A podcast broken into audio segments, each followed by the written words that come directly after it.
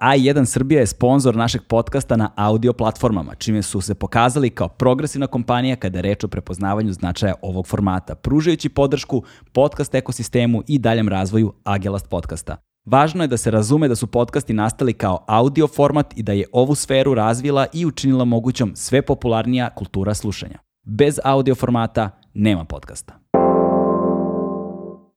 Legend Worldwide je domaći modni brend prepoznatljiv po džinsu i stilu, fokusiranom na stvaranje smirenog dizajna sa prizvukom modernog nasuprot bezuslovnom praćenju modnih trendova.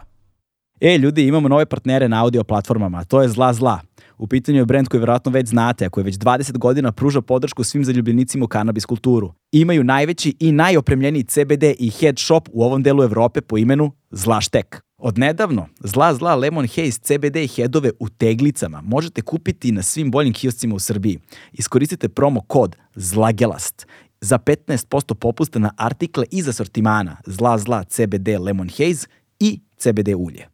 Moj današnji gost je jedna veoma zanimljiva ličnost Eh, rodom iz Mostara, eh, živi na Korčuli, živi u Splitu, eh, piše i stvara i radi tamo, doktor istorije, dakle pre svega je istoričar koji je napisao puno eseističkih, naučnih i drugih radova, bori se također za pomirenje ljudi na ovim prostorima, vrlo zanimljiva ličnost, istovremeno je i pisac, to jest pesnik, objavio je niz zanimljivih radova i jedno od posljednjih dela, odnosno posljednje delo koje je objavio, čija je promocija bila nedavno u Beogradu, pa smo se tom prilikom i našli, jeste Partizani prohodu poema, vrlo zanimljiva poema. Njegovo ime je Dragan Markovina. Razgovarali smo o svemu i svačemu, naravno, razgovarali smo o nasleđu bivših republika, razgovarali smo o identitetima bivših republika, razgovarali smo o kulturi sećanja bivših republika i onome sa kakvim smo nasledstvom odrastali, sa kakvim nasledstvom smo danas, šta sa tim nasledstvom da radimo i kako da posmatramo budućnost. Razgovarali smo o brojnim kulturnim, popkulturnim fenomenima od futbala, verovali ili ne, pa do spomenika kulture, umetnosti i različitih drugih stvari stvari,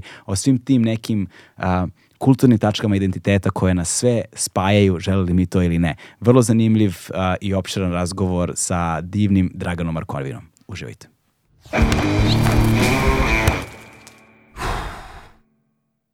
Hmm.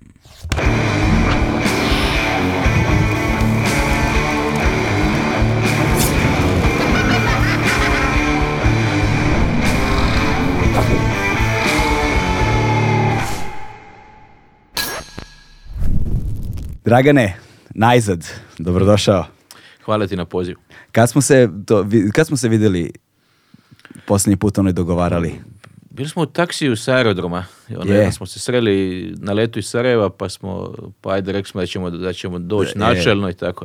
Tako da, kad je to bilo, ne mogu se sjetiti. Bilo je neko ljeto. Neko leto, je bilo, tako da bilo je prilično. Prošlo, ljeto. Tako nešto, prilično nam, sa Semezdinom. Da. E, jeste, jeste, on je žurio neki neki, za Pariz je Ali neki, neki prekomplikovan je letimo je bio strašno nervozan. Da.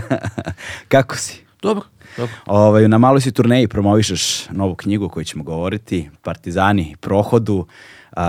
da li je proza u stihu ili stih u prozi, ali svakako poema je u pitanju veoma zanimljiva. Govorit ćemo o njoj, ali ima vremena. Ove, ovaj, kako je, jesi, jeste imali, gdje ste svi imali promociju do sada? Pa evo, tek smo odradili Mostar, to sam htio da bude prvo, jučer bilo u Beogradu i sutra je Novi Sad, a hmm. onda ćemo Split, Zagreb, Sarajevo, tako. Kako je prošlo u Mostaru? Po Mostaru je bilo divno jednom prostoru prosvjete ovog Srpskog kulturnog društva u Čorovića kući, e, u kojoj je Šantić je umro u toj kući u kojoj smo imali promoć, bilo je tako 30 ljudi, dosta zanimljivo, intimno. Ljude, ljude to nekako dirne, ja volim da su intimne te promocije, da, posebno Ovakvih, ovakvog tipa knjige. Samo sekund da proverim neki jedan datum. Uh, da, samo da ne bude da sam pogrešio nešto. Na današnji dan je umro Šantić. Šantić jeste. E, jeste, da, sad upravo, znaš, kao samo mi je palo na pamet, jel jeste, jeste, na današnji jeste. dan je, na današnji dan je primjeno Šantić. Zanimljivo. Juče ste baš govorili, uh, odnosno, juče je, ovaj, kako se zove, Goran, Goran Babić govorio o anegdotu neku o, sa, bacanju O Bisti, Šantićevoj i kako se uništavali. Na osnovu čega je ko kako zaključivao i davao impute za to. Ovaj, a, imao sam priliku sad ono u posljednje vrijeme da poslušam puno tvojih intervjua, znaš, ne, ono, išao sam do 2012. na primjer nazad razumiješ dosta toga i shvatio sam da zapravo skoro svi intervjui, ako ne praktično i svi intervjui koji, koje si davao, su se bavili uvek nekakvom političkom aktuelnošću ili prošlošću, a nigde se nisu ljudi bavili tobom. Znači, ne postoji skoro nigde mesto da možemo čujemo o tebi. Ovaj, čak i kada si kod Stankovića gostao, to je bilo i 2014. ili tako nešto, ono, počelo je o tebi, ali vrlo brzo otišlo tamo negde dalje, znaš.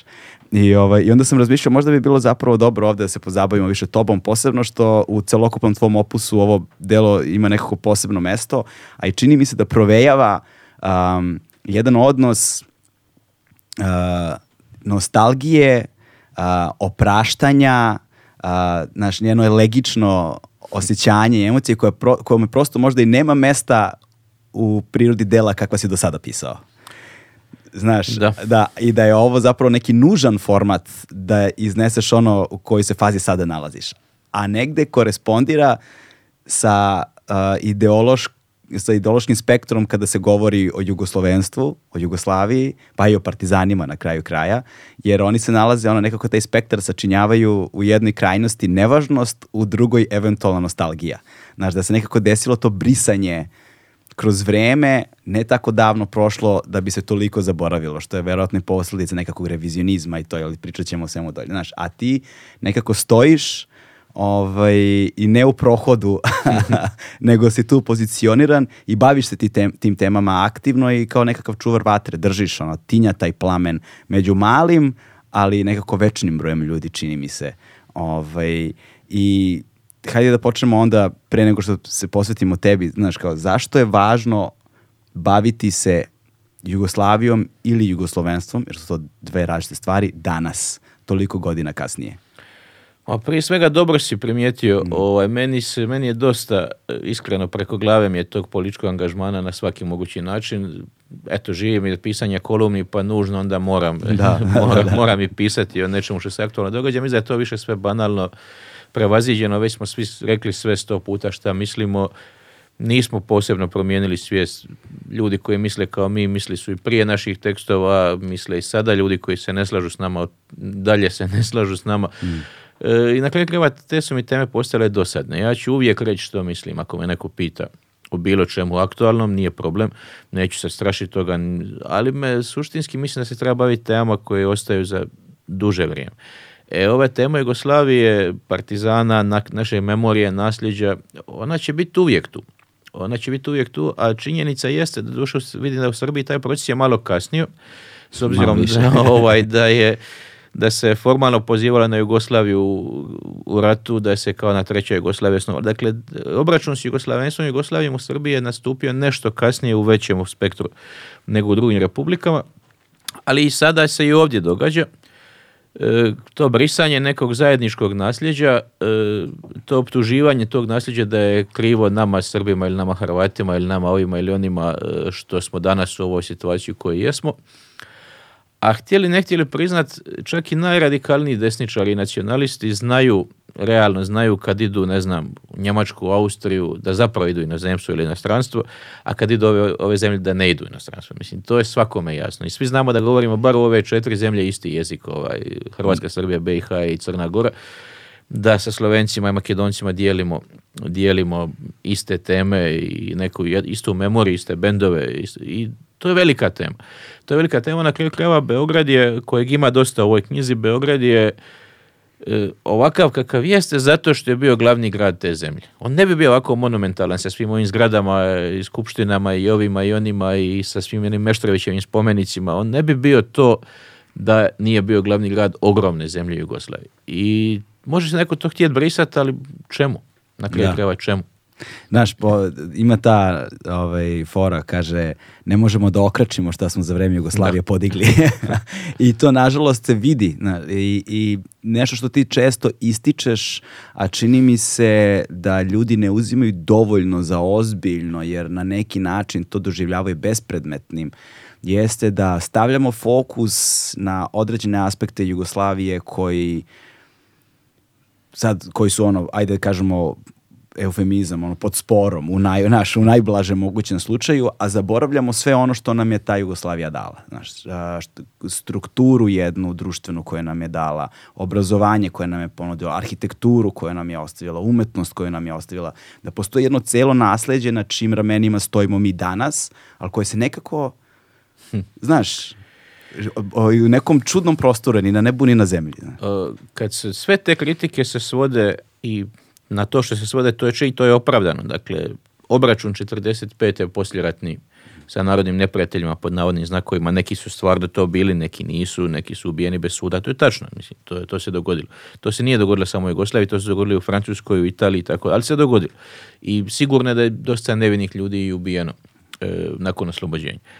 Dogodio se Goli otok 48. ali u kontekstu raskida se Stalinom i straha da ti ljudi ne posluže kao neki unutrašnji pijuni sovjetske invazije. Opet je mnogo ljudi stradalo, nedužnih. E, opet je, to jeste bio ogroman problem Jugoslavije. Realno jest bila staljinistička zemlja, recimo do 53. godine. Tako ne I dogodio se Dogodilo se to da to nije bila demokratska zemlja, realno govoreći. To je činjenica. I nije bilo slobode govora u punom smislu riječi. I to je to. To, nije, to nisu male zamjerke. Ali ta zemlja je trajala 45 godina za Boga e, i svi ovi naši gradovi su stvoreni tada. Mislim, tri četvrtine svih ovih gradova su izgrađeni u to doba. E, ljudi su od sela školovani, dobili su stanove u gradovima, dobili su obrazovanje koje nikad ne mogli sebi priuštiti. Njihova djeca da dođu, recimo, ne nekog, šta ja znam, Južne Srbije u Beogradi i zaposle, da završe fakultet, zaposle se zdravstvenu zaštitu, radnu zaštitu. Sve je ovdje izgrađeno tada. I na kraju krajeva imali smo jednu veliku zemlju sa jednom lijepom pričom o bratstvu jedinstvu bez obzira što ona je bila forsirana, ali je bila lijepa. Puno ljudi se i ženilo međusobno, družilo. Dakle, to je po meni puno bitnije nasljeđe te zemlje od ova tri sporna momenta koji nisu upitni, oni jesu sporni. Mm. Ali posebno Jugoslavija vrijedi, pokazuje se koliko je bila velika kad se usporedi sa današnjim dobom sa onim ratom kojeg je ona sprečavala 45 godina, koji se dogodio ovdje 90-ih, nasilu ga je sprečavala očito Da, da, da. Ovaj.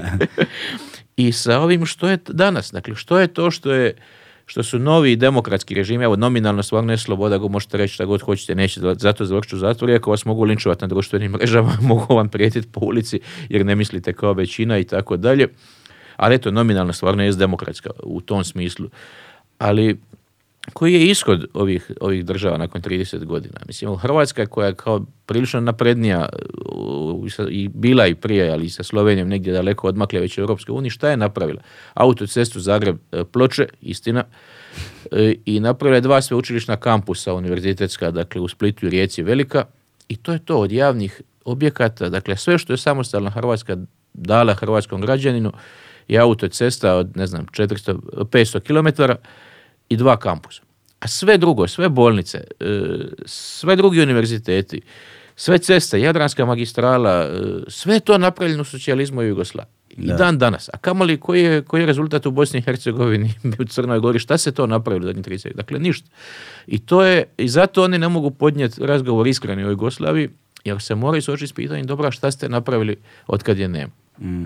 S druge strane, e, zanimljiv je i taj fenomen, sinoci pominjao ovaj, kako smo mi, znaš, po znacima navoda, šta sad mi to pod, podrazumevalo, to mi, to je sad posebno pitanje, ovaj, praviti granice oko toga, jasno razdeliti praktično je nemoguće kada se zapravo zumira i pogleda preciznije taj identitetski problem, jer identitet u sebi čini mi se je negde zapravo duboko iracionalna kategorija Aha. i sadrži gomilu opričnih elemenata koje ne možemo jasno da razdvojimo možemo nekako nominalno, kolokvijalno da ih posmatramo sa udaljenosti i kažemo ovi i oni, ali, mhm. znaš, kad kažemo to mi, ovaj, smo kao underground, alternativa, nevidljivi, bez nekakvog značajnog uticaja, ali s druge strane, opet kažeš, ali opet tim smetamo, opet ih volimo i pitaš zašto je to tako. I to sam sinoć teo da ti kažem. Moje pretpostavka je negde zato što identitet je izgrađen današnji na anti tom identitetu. Znaš, na antijugoslovenstvu, na antikomunizmu je izgrađen današnji nacionalni identitet. I njima je taj anti neophodan da bi održavali svoj, kao nekakav sine qua non, jel te? Znaš, nek mora da, mora da bude prisutan, jer bez njega njima je neophodan bauk komunizma da bi opravdali sobstvene vrednosti. I ima taj jedan, film sam zanimljiv gledao, ovaj, o, kako se zove, ja bre, kako se zove pesnik latinoamerički, na, e, na ne Nerude, da, on Nerudi, da, sam gledao gdje on zapravo ide policajac koji ga progoni sve vrijeme, on sve vrijeme beži od njega mm. i zapravo su to dva ideološka sistema koji su neophodni u stalnom dinamici tog večitog odnosa mm. progonitelja i, i, i, i progonjenog. Jer, jer taj, ta dinamika sačinjava identitet vremena u kome se živi danas. to, to, mi negde, to, mi, to mi negde tako. Ali s druge strane, znaš, posmatrajući ti ovu tvoju knjigu, znaš, možda možemo tebe da izvučemo iz istoričara, iz istorije, ali ne možemo istoriju iz tebe, znaš. I onda ono je nabijeno, razum, nabijeno je istorijskim kontekstom, imenima, toponimima, brojnim neuralgičnim tačkama celog jednog velikog vremenskog perioda, te, ali vrlo ovaj, specifičnog. S druge strane, nabijen intimnim prožet je tvojim intimnim ono što mu ne bi bilo mesta, ali je prožeto jednom osjećanjem sete kao da se nekakav račun svodi, kao da se nekakav oproštaj pravi i u privatnom životu i u ovom istorijskom kontekstu, u tvom profesionalnom na neki način. Znaš, je sad, je, sad je to možda dobar ono, transfer, razumeš, na ovaj privatan tebi. S jedne strane, pričat ćemo o tim elementima kako se oni svi nižu i ti, meni, ti, ti ljudi, bivši i današnji, ovaj, i, iz popularne kulture i iz politike, ali s druge strane i sa tvojim intimnim životom. I tvoj op Beograd ima puno, u velikoj meri se ti opraštaš sa Beogradom na neki jedan vrlo specifičan način u ovoj knjizi. Pa da, e, doćemo do Beograda na, u drugom dijelu odgovora ali u prvom ja sam bio iskreno i meni je sad danas neugodno zbog toga, iako nije da to nisam mislio, nego ja sam stvarno prezirao svu ovu stvarnost koja je nastala nakon rata. Posebno što sam vidio taj rat u Mostaru što se, i, i sve što, se, što je došlo poslije sam baš mrzio, iskreno. I htio sam, bio sam pun nekog bijesa, htio sam da se nasilu to promijeni, da se sve vrati na ono što je bilo prije. Jako nisam volio ljude koji su bili nacionalisti i jesu, jako nisam volio klerikalizam svih vrsta i i bio sam ono militantni ljevičar Jugoslaven koji hoće da se nekom silom, čudom vrati nešto što je bilo i tako sam nastupao često u javnosti. I trebalo i meni da sazrim. Koliko si godina imao? Pa imao sam na 25 do 35. negdje. Znači, trebalo mi je dosta da sazrijem, da se pomirim na kraju krajeva, da, prihvatim da ja, zašto bi ja živio u bijesu? zašto bi ja nekoga prezirao, mrzio ili zato što je drugčiji od mene. Mislim, stvarno se dogodilo, to se već sve dogodilo, neće se vratiti sad. I kad sam shvatio to da nije ni u redu prema ljudima e, nametati im ekskluzivno svoju neku viziju ovakvu ili onakvu i biti ljut na njih što su takvi kakvi jesu, to isto kao kad igraš e, futbal ili nogomet pa ono, se ljuti što neko ti nije dodao ili nije dao gol. Da, da je znao da, dao bi ga. Ne možete se ljutiti na njega. Nema smisla. I ovaj, e, to kad sam sazrio, e, došlo je to vrijeme sumiranja nekog, znači tih svih tih računa, razmišljanja o svemu tome i shvatio sam da smo mi svi poraženi. I, da je to nepovratno, da to se sad neće, e, ljudi poput mene nije da ih nema, ovo što smo govorili malo prije, nije da ih nema, ima ih solidan broj na ovim prostorima, ali su manjine. I napisao sam davno jednu knjigu povijest poraženih, baš posvećenu manje više i tim ljudima i nacijama i narodima koji su negdje izgubili ovo 90-ih. I ostao je taj neki moj e, intimni svijet u korelaciji sa tim nasljeđem E, i sad dolazimo do Beograda koji meni ono, mama de facto Beograđanka, mislim, svi su mi, njeni su svi iz Hercegovine porijeklom, ali su bili vojna lice, to je odrasla je tu na bulevaru e, preko puta Metropola, ovdje blizu gdje sjedimo. Ovaj, I ja sam taj Beograd dolazio kao dijete redovno do 90. Nakon toga 16 godina nisam, baka je u dubokoj starosti umrla prošle godine. I sad je to neki momentim neopraša i s tim stanom i s tim nekim zadnjom vezom koju sam imao intimnom sa ovim gradom u tom smislu, fizik konkretnom, da imaš kod koga doći, da, da se nešto... I to te šetnje po Beogradu, po Tašmajdanu, ovdje po centru, su tu prisutne gdje ja vidim sve te tragove vremena kako više dom sindikata nije dom sindikata, kako nema Marks Engels, nego to Pašićev trg. dakle, sve te promjene su u toj knjizi i nije mi drago da su se dogodili. Nije mi drago, ali su tu. Šta ću sad ja nekoga mrziti ili biti ljud? Tako je, kako je, ono, to je moj svijet i zdravo. A1 je prvi prijatelj audio izdanja Agelast podcasta.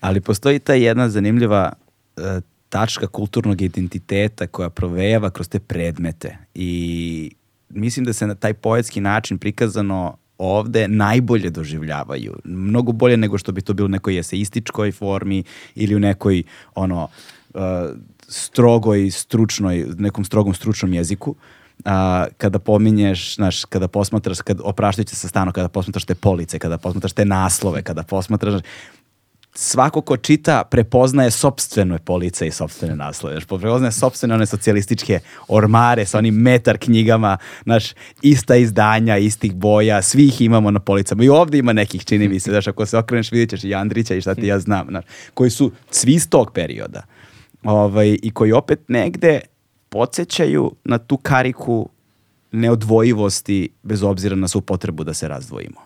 Znaš, a, i koji nekako ne možemo da prenebregnemo, ni na koji način. Čini mi se, ipak. Znaš, ali, ovaj, ali odnos, tvoj odnos sa tvojom bakom je također vrlo zanimljiv. Znaš, i volao bih sada da se posvetimo ne nužno njemu, ali da počnemo tu priču o Mostaru. Znaš.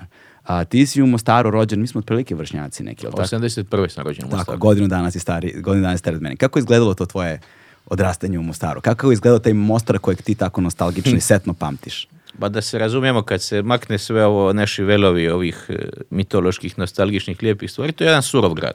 Mislim, jedan prelijep, prelijep, vizualno prelijep grad koji živi na ulici, mediteranski grad koji je tik do mora, nije na moru, ali svi, svi osjećamo to more tu. E, grad koji ima vrlo surov humor, e, znači u ulici nije ugodno odrast ako si ole senzitivnije dijete. dakle, ja ću sad sve ovo od najgoreg pa ću krenuti ka ljepšem. Ali je grad koji, koji ti je davao, on je ipak grad solidna veličine, ima je oko 100.000 stanovnika ovaj, kad je počeo rad Znači ima sve elemente grada i prvoligaša je imao i muzičku neku scenu i teatarsku scenu i imao je to sve što je imao. I, a imao je dovoljno intimnosti da smo se kao svi znali i mogao si stvarno ono, neće se dijete nikad izgubiti, dakle, mogao, mogao si živjeti bezbrižno u tom gradu. Bez obzira na taj surovi humor, na to sve skupa, stvarno je postojala ta jedna vrsta zajednice, zajedništva, zajedničkog života i uz neretvu i po dvorištima igralo se stalno, se igralo lopte ili one tavle, one igre begemonije se to da, da, to je baš se u Mostaru igralo kao nacionalni sport je bio.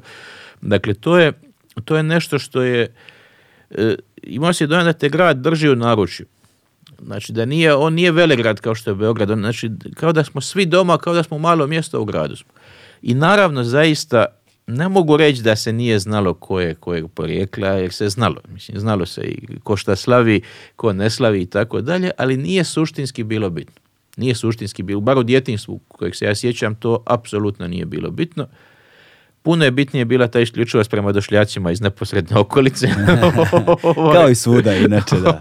Mislim da to opšte mjesto svih naroda i narodnosti. E, bio je jako naglašeno komunističko-jugoslavenski grad, na tom se dosta inzistiralo, imao je ogroman natpis Tito, volimo te uklesan na brdu iznad grada.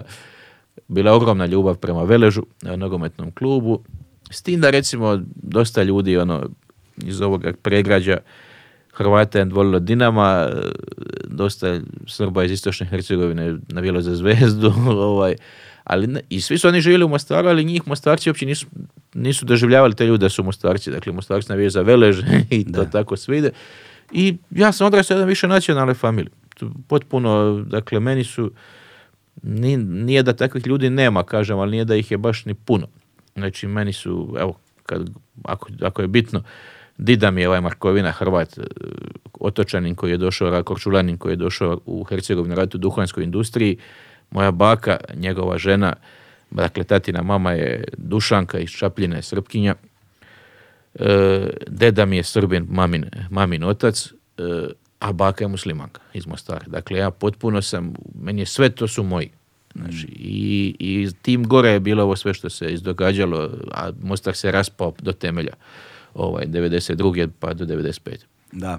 Ove, ovaj, e, sad sam se setio zapravo kada, kada, smo se, kada smo se sretali na onom letu, pa to je bilo kada je Velež igrao. Jest, jest, jeste, jeste. Jeste, jeste, Osvojio je valjda neku kup. kup, kup nešto posle nešto mnogo godina. Ja se ne, ne pratim da. futbol, nažalost. Nisam ti dobar sagovornik na tu temu, ali se sećam da je bilo ludilo tad i da je gomila ljudi iz Sarajeva išla. Bili i... smo ja Marko Tomaš na utakmici. E, e, to, to, to, da, vidio sam da, ovaj, da se to baš slavilo tad nešto. veliko je to dešavanje bilo. Ovaj, a, ti nakon početka sukoba ovaj, odlaziš za Korčulu, je tako? Ovaj, kako izgleda posle, kako izgleda to, to prebacivanje iz Mostara za Korčulu? Pa traumatično par mjeseci rata smo mi bili u Mostaru. Znači video si Da, bili smo pod granatama u skloništu i ono, stvarno sam vidio i poginom i komšija tu, mislim, pa smo skupljali gelere ovaj, od granata i tako dalje i onda, onda nas je otac odveo na Korčilu, tu našu obiteljsku kuću djedovu, a on se vratio u Mostar. Kako ste se, kako izvinim što pitam, ali kako, ste se kretali, pošto od to... to je bilo, e, JNA je držala, e, mislim, grad pod okupacijom, znači sa svih strana i samo na jednu stranu se moglo izaći mimo njih prema zapadu, ovaj, prema, preko Goranaca, prema zapadu se moglo izaći. Ali tu nije bila cesta normalna, nego su tu ovi HVO prokopali ono, u brdu bagerima, onako ono, divlji zemljani put kroz te stijene, međutim bio jedan brisani prostor gdje su to mogli gađati i puno ljudi je poginulo tako izlazeći. Mi smo jedan dan išli E, zadnji konvoj dječje ambasade koji je izašao iz Mostara, trebao je taj dan izaći i dosta privatnih auta je išlo iza njih. E, to je bio maj 90, polovica maja 92. I došli smo na tu odakle se kreće. Bilo je toliko granatiranje taj dan, puno ljudi je poginulo tu u blizini da nismo, da je odgođeno sve. Za koji dan, komu dječje ambasade je otišao dan, dva nakon. glavno tata je rekao, ajde imamo mi probati u zoru sami. I, ovaj, I krenuli smo i kad smo došli na taj brisani prostor, zaista su nas gađali, pogodili granata možda 30 metara iza auta, o, ovaj, eksplodirali smo prošli. I taj šok koji sam doživio kad smo, čim smo izašli iza brda, znači čim sam na taj brisani prostor, da je jedna okuka, i tamo to je to Hrvatsko, hrvatski kraj, to je to, gdje smo prema, ovaj, prema Čitluku i tako. I to je, tamo se dakle u Mostaru je pakao. A ljudi ono sjede, puše ispred kuće, ko vidim da su sadili su nešto, kopaju, dakle, to je pet minuta. Se živi potpuno normalno, jer taj kraj kao niko ne dovodi čije u pitanje, a grad dole gori. Ljudi ginu na dnevnoj bazi desetine ljudi. Ovaj, I to, bio, to mi je bio prvi šok eh, kako je sve relativno ovaj, u ratu. I onda kad smo došli na Korčulu, otac je nas ostavio, bila je Lada Samara, relativno nova ovaj auto, on je to auto ostavio i rekao, sad on se vratio autostopom nekako vojnicima, ovim onim se vratio u Mostar, on je komandir civilne zaštite grada e, u tom prvom ratu. I rekao je, ništa je ako ja poginem, prodajte auto. To je to i nismo, i, eto, imali smo tu našu kuću, dakle imali smo gdje biti, ali nismo imali nikakve, ništa, ništa, nikakvih prihoda, pa smo na izbjeglički karton, nešto. Dakle, te prve dvije godine smo bili jako traumatične. Posebno taj osjećaj kad si ti dijete pred pubertetom, a dolaziš u neku sredinu koja jeste tvoja, ja sam svako ljeto tu ljetovao i u svoju kuću, ali si i izbjeglica i iz nekog drugog konteksta i svi te gledaju još posebno u tom kontekstu, znaju šta mi politički mislimo, znaju šta mi je mama porijeklom. Dakle, sve to je jedan, jedan vrlo, isto kod mene revolt i bijes izazvalo ali opet sam, mislim, nisu ti ljudi, niko, nije, niko ne može svoj kontekst nadići. Mislim, ja danas tu Korčulu obožavam, kao što sam ja volio i prije, ali tada mi nije bilo ugodno, recimo, te dvije godine. Da, ali um, adaptacija i odrastanje na Korčuli, ovaj, i sad, znaš, kad god razgovaraš sa primorcima negdje u suštini, znaš, to je sad posebna, posebna psihološka konstitucija. Ljudi koji odrastaju pored mora, sa pogledom na more, ovaj, ljudi koji se hrane od mora, žive od mora, od turizma, ovaj, posebno je problematičan taj divlji turizam koji je mhm. pojeo Dalmaciju ovaj, tih godina. Dežulović je ovdje sedeo pa je pričao o tome onoliko. Ovaj, šta je ono što je u tim potonjim godinama formiralo tebe u čoveka koji si kasnije bio, o kojem si govorio negde na početku, tog ljutog levičara spremnog da se obračuna sa svakom formom nacionalizma?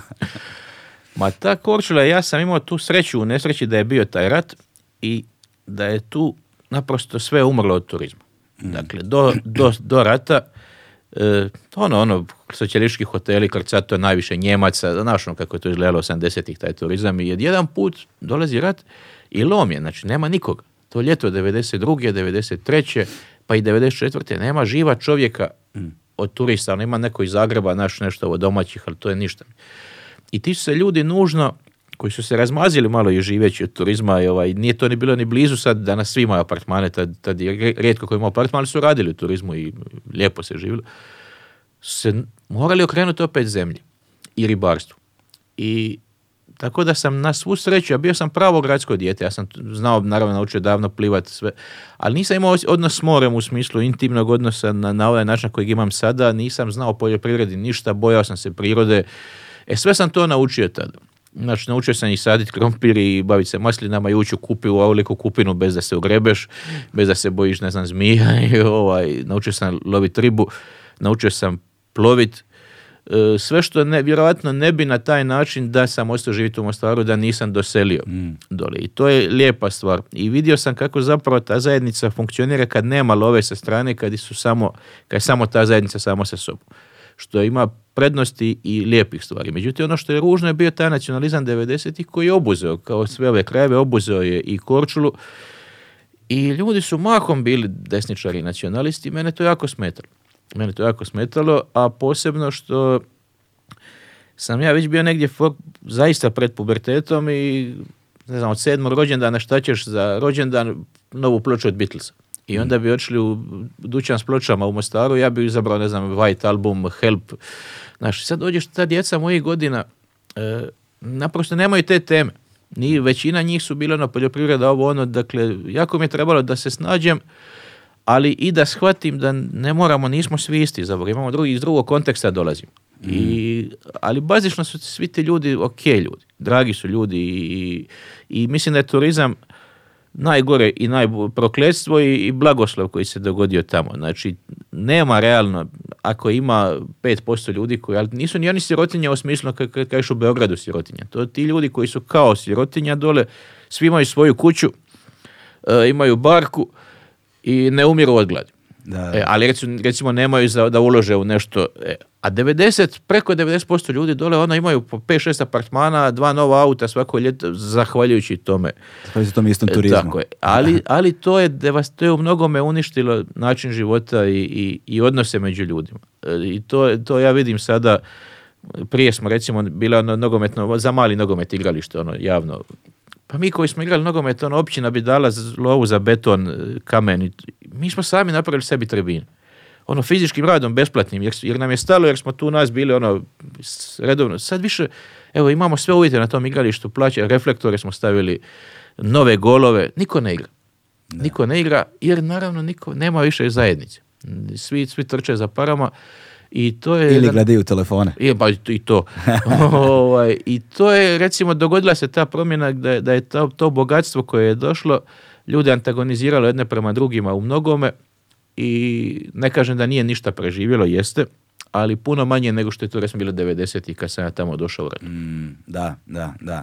To je, ovaj, ali također zanimljivo, ovaj, na, naš, sad, kako se onda i to je jasno, to, ta naš ta seta se osjeti, naš posao imaš ti tu delove koji su posvećeni tome, posebno kako se onda Begemon pretvorio u picigin, znaš, i, i, onda, i, onda, i onda zapravo e, tvoja ljubav prema Dalmaciji generalno e, je ona naš sa kojom se srećeš samo kada se sretneš sa ljudima tog kova.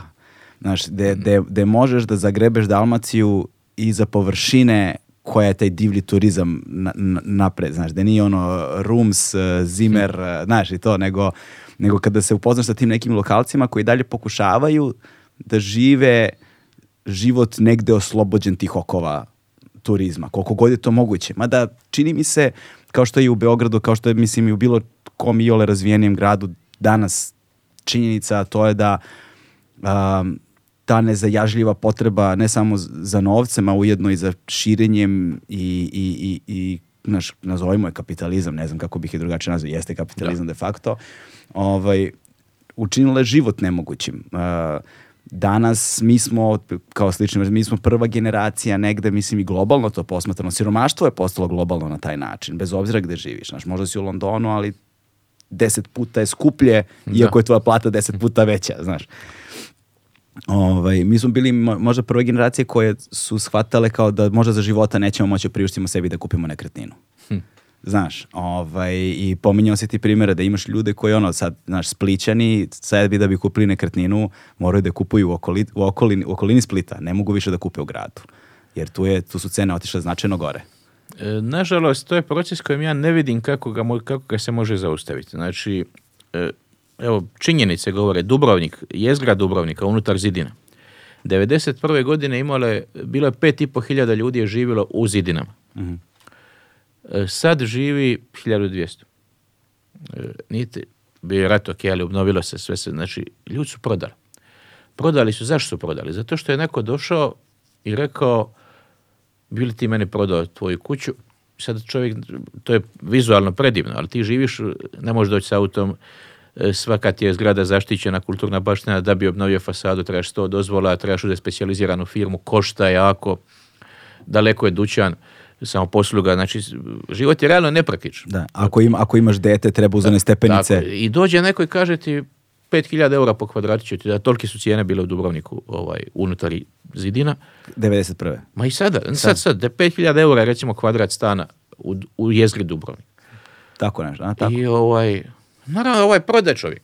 Čovjek prodaje, kupi stanu na periferiji Dubrovnika ili kupi stan, još stan u Zagrebu i živi od ostatka.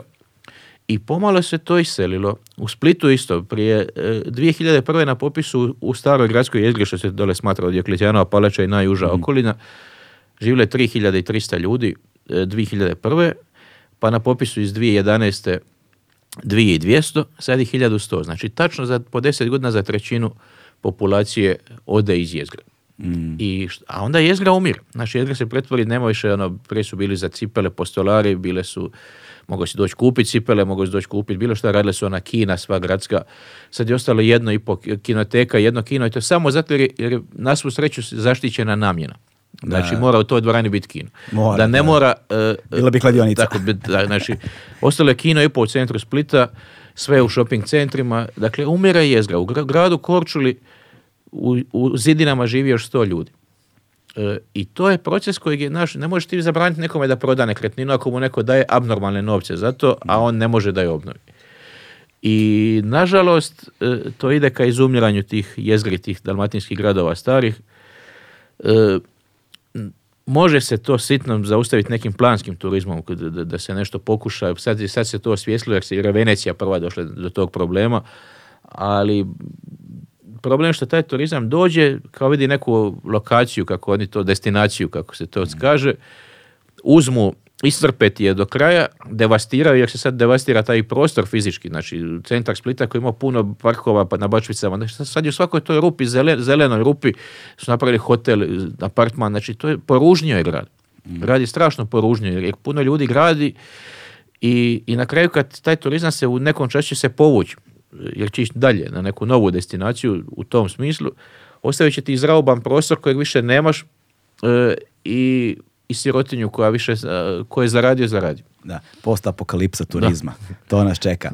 Ali to je sudbina, čini mi se, velikog broja gradova, gradića, sela, širom eh, svih bivših republika. Ovaj, prazne se, ljudi odlaze trbuhom za kruhom, znaš, za Nemačku, Hrvati velikoj meri za Irsku, koliko, znam tako, da. to, tako dalje ovaj, evo, mi smo skoro nešto proputovali malo istrom. I, ovaj, I baš smo ono, kolima išli i napravili lep džir, znaš, ono, bili smo i Rovinj i Motovun i ovamo i onamo i tim vinskim cestama i šta ti ja znam. Ali tragično je bilo, znaš, otišli smo recimo do Motovuna, ali to sad u januaru, znaš, zato što najlepše mi je tada, ovaj, je tad samo, samo lokalce viđaš. Motovun je prazan potpuno, tamo nema nikoga. Znaš, I onda smo ušli u jednu prodavnicu, jedina koja radi u celom ovaj, gradiću, šta li je, već kako tvrđava, ono, šta li je. Ovaj, i, I pričam sa dečkom koji je, znaš, tu negde malo mlađi od nas, ovaj, pitan ga kako ti je, kaže, teško, kaže, dosad sam je tu, znaš. I kaže, unutar zidina bilo je ovaj, na popisu iz, ne znam, 2004. recimo oko 300 stanovnika, sada ih je manje od 80 a, i ove godine su zvanično ukinuli školu. Znaš, a kad ukineš školu, ti si zapravo ubio mesto. Ono više osuđeno na to da ne postoji. I tamo, uglavnom, koliko ja znam, bogati Nemci kupuju te, ne znam čemu im služe i kad će tu da dođu, kad je filmski festival možda jedan dan i to je to. I mislim da je to sudbina koja ovaj, nas negde sve čeka, znaš. Ovaj, Hrvatska je sad tu prednjači zato što upravo zbog Evropske unije, zbog Schengena, zbog svega, mislim da koliko ovi ljudi otišlo iz zemlje prosto. Pa Hrvatska je izgubila milion stanovnika u zadnjih deset godina. Milion. Tu ne, mislim, ne u zadnjih deset godina, oprosti, u, zadnjih 30 godina, a zadnjih deset godina izgubila je 400 hiljada. Znači, Hrvatska je imala 4,8 miliona 91. E onda je većina Srba otišla ovaj, 95. Ali sad je ostalo otišli dosta Hrvata na kraju i, i taj proces ide. On mm. traje. Dakle, s tim da bi ja kod Istre ipak napomenuo zapadna Istra i taj dio i Motovo zapravo bila većinski italijanska. I to je bio veliki egzodus. nakon ne, četir, ne odmah 45. nego kad su ona zona A i zona B se podijelile, kad je Trs pripao Italiji, a Istra Jugoslaviji, odnosno mala Slovenija većim dijelom Hrvatskoj, ogroman broj Italijana je otišao. Mm. I to su njihove nekretnine, njihove kuće i Hrvati su živjeli u selima unutrašnjosti Istre, i jako malo živjeli tim gradovima i Slovenci i, i došlo je nešto kasnije Doseljen ljudi iz cijele Jugoslavije u Puli i vamo i tamo, ali to nije moglo nikad zamijeniti. Istra je ostala pusta zemlja još od drugog svjetskog rata do danas. Mm. E, tako da, ali sad se dodatno još taj proces taj proces događa. Međutim, ono što je tužno u svemu, evo cijela Bosna i Hercegovina je prazna, možete sjesti, voziti se satima, ne vidjeti nikoga. Ono što je tužno u cijeloj toj priči, što je ovdje bazično svugdje lijepo. I kad bi samo iole bilo, kad bismo se riješili ovog nacionalizma, ovog ludila, ovih politika koje ne vode nigdje, a nažalost građani to biraju, očito, ovaj, jer inače ne bi, ne bi ti ljudi bili na vlasti da ne glasaju za njih, Mislim, to su divni i Mostar, i Split, i Korčula, i Istra, pa i ta sela po Bosni, i po, unutrašnjosti Srbije, po Vojvodini, to su, to su pred, tamo je život ugodan ako imate riješenu egzistenciju i ništa vas ne muči u smislu ovome, mislim i, i postoji ti gradovi, Beograd je velegrad koji još uvijek, koji ti daje neke mogućnosti i Sarajevo je grad veliki, i Zagreb i Split, ali ljudi odlaze, ja mislim, ne toliko radi ekonomije, iako i jeste jedan dio sigurno, nego što ne vide ovdje nikakvu perspektivu. Ne žele vjerojatno da im djeca odrastaju u ovom kontekstu. Pretpostavljam da je to. I e sad, ja ne bi otišao nikad izvan svog jezika, E, sad ja više ne bi nikad ni s juga. Došao sam do te faze. Da, da, da. Ali, ali pazi, ovaj- još si u petu deceniju, tako da nisi relevantan. Da. o, o, o, nije mi na pamet kad sam imao 20. Znači, i, taj to, ovo su teme koje mene zanimaju. Ja ne mogu živjeti negdje gdje, me suštinski ne zanima prostor u kojem se nalazim, ni ti ljudi. Mm. A svugdje gdje bi otišao sad Irska, Njema, mislim, gdje god da odeš, to nije, nisu moje teme, me to apsolutno ne zanima. Ali ok, nisam ja, mene zanima ove društva, humanistika, većinu ljudi zanima vjerojatno pristojan život, da ih ne gnjavi politika, da mogu normalno živjeti i odgajati djecu i onda biraju nešto drugo. S tim da zaista ne, ja, ja pretpostavljam kako život tih ljudi izgleda vani, oni sigurno zarade dobro, puno bolje nego što bi zaradili ovdje, njihova djeca vjerojatno idu u sređenu, sređenu školu, ali taj život da ćeš ti raditi 10, da kapitalistički 10, 12, 13 sati dnevno ko konj i da od života realno više nemaš ništa, ja to ne bi mijenjao nikad za ovaj naš opušteni život kojeg mi ovdje svi živimo. Pa sad, znaš, zavisi kako gde. Imaš ovde veliki broj ljudi koji radi isto tako Znam, mnogo, a opet ne zarađuje ništa, znaš. I to što kažeš, u tim malim mestima moglo bi dobro da se živi kada, ne samo kada bi egzistencijalni problemi bili rešeni, nego kada bi infrastruktura bila rešena. Znaš, čini mi se da u velikoj meri i sa brojnim sagovornicima sa kojima sam sedeo ovde i razgovarao, negde zajedničko razumevanje, prećutno podrazumevanje da je kultura nasušna potreba, isto kao i hrana i piće san, moraš da spavaš, moraš da dišeš, vazduh, voda, hrana je nasučna potreba i kultura je isto tako. čini mi se da u velikoj meri u jednom trenutku kada čovjek dovoljno odraste, da mu se rast, povećaju kulturni apetiti, da ima potrebu da da napreduje, da sazreva, da se usavršava, da, da kada posebno zahvaljujući internetu se mu vidi koliko daleko su stvari negde otišle, šta su mogućnosti koje se nude, a onda osjećaš u odnosu na to, da se na tom platnu se oslikava onda skučenost sredine u kojoj ti živiš i koja je sve vrijeme zarobljena zapravo tim narativima koji se nismo oslobodili decenijama i decenijama unazad.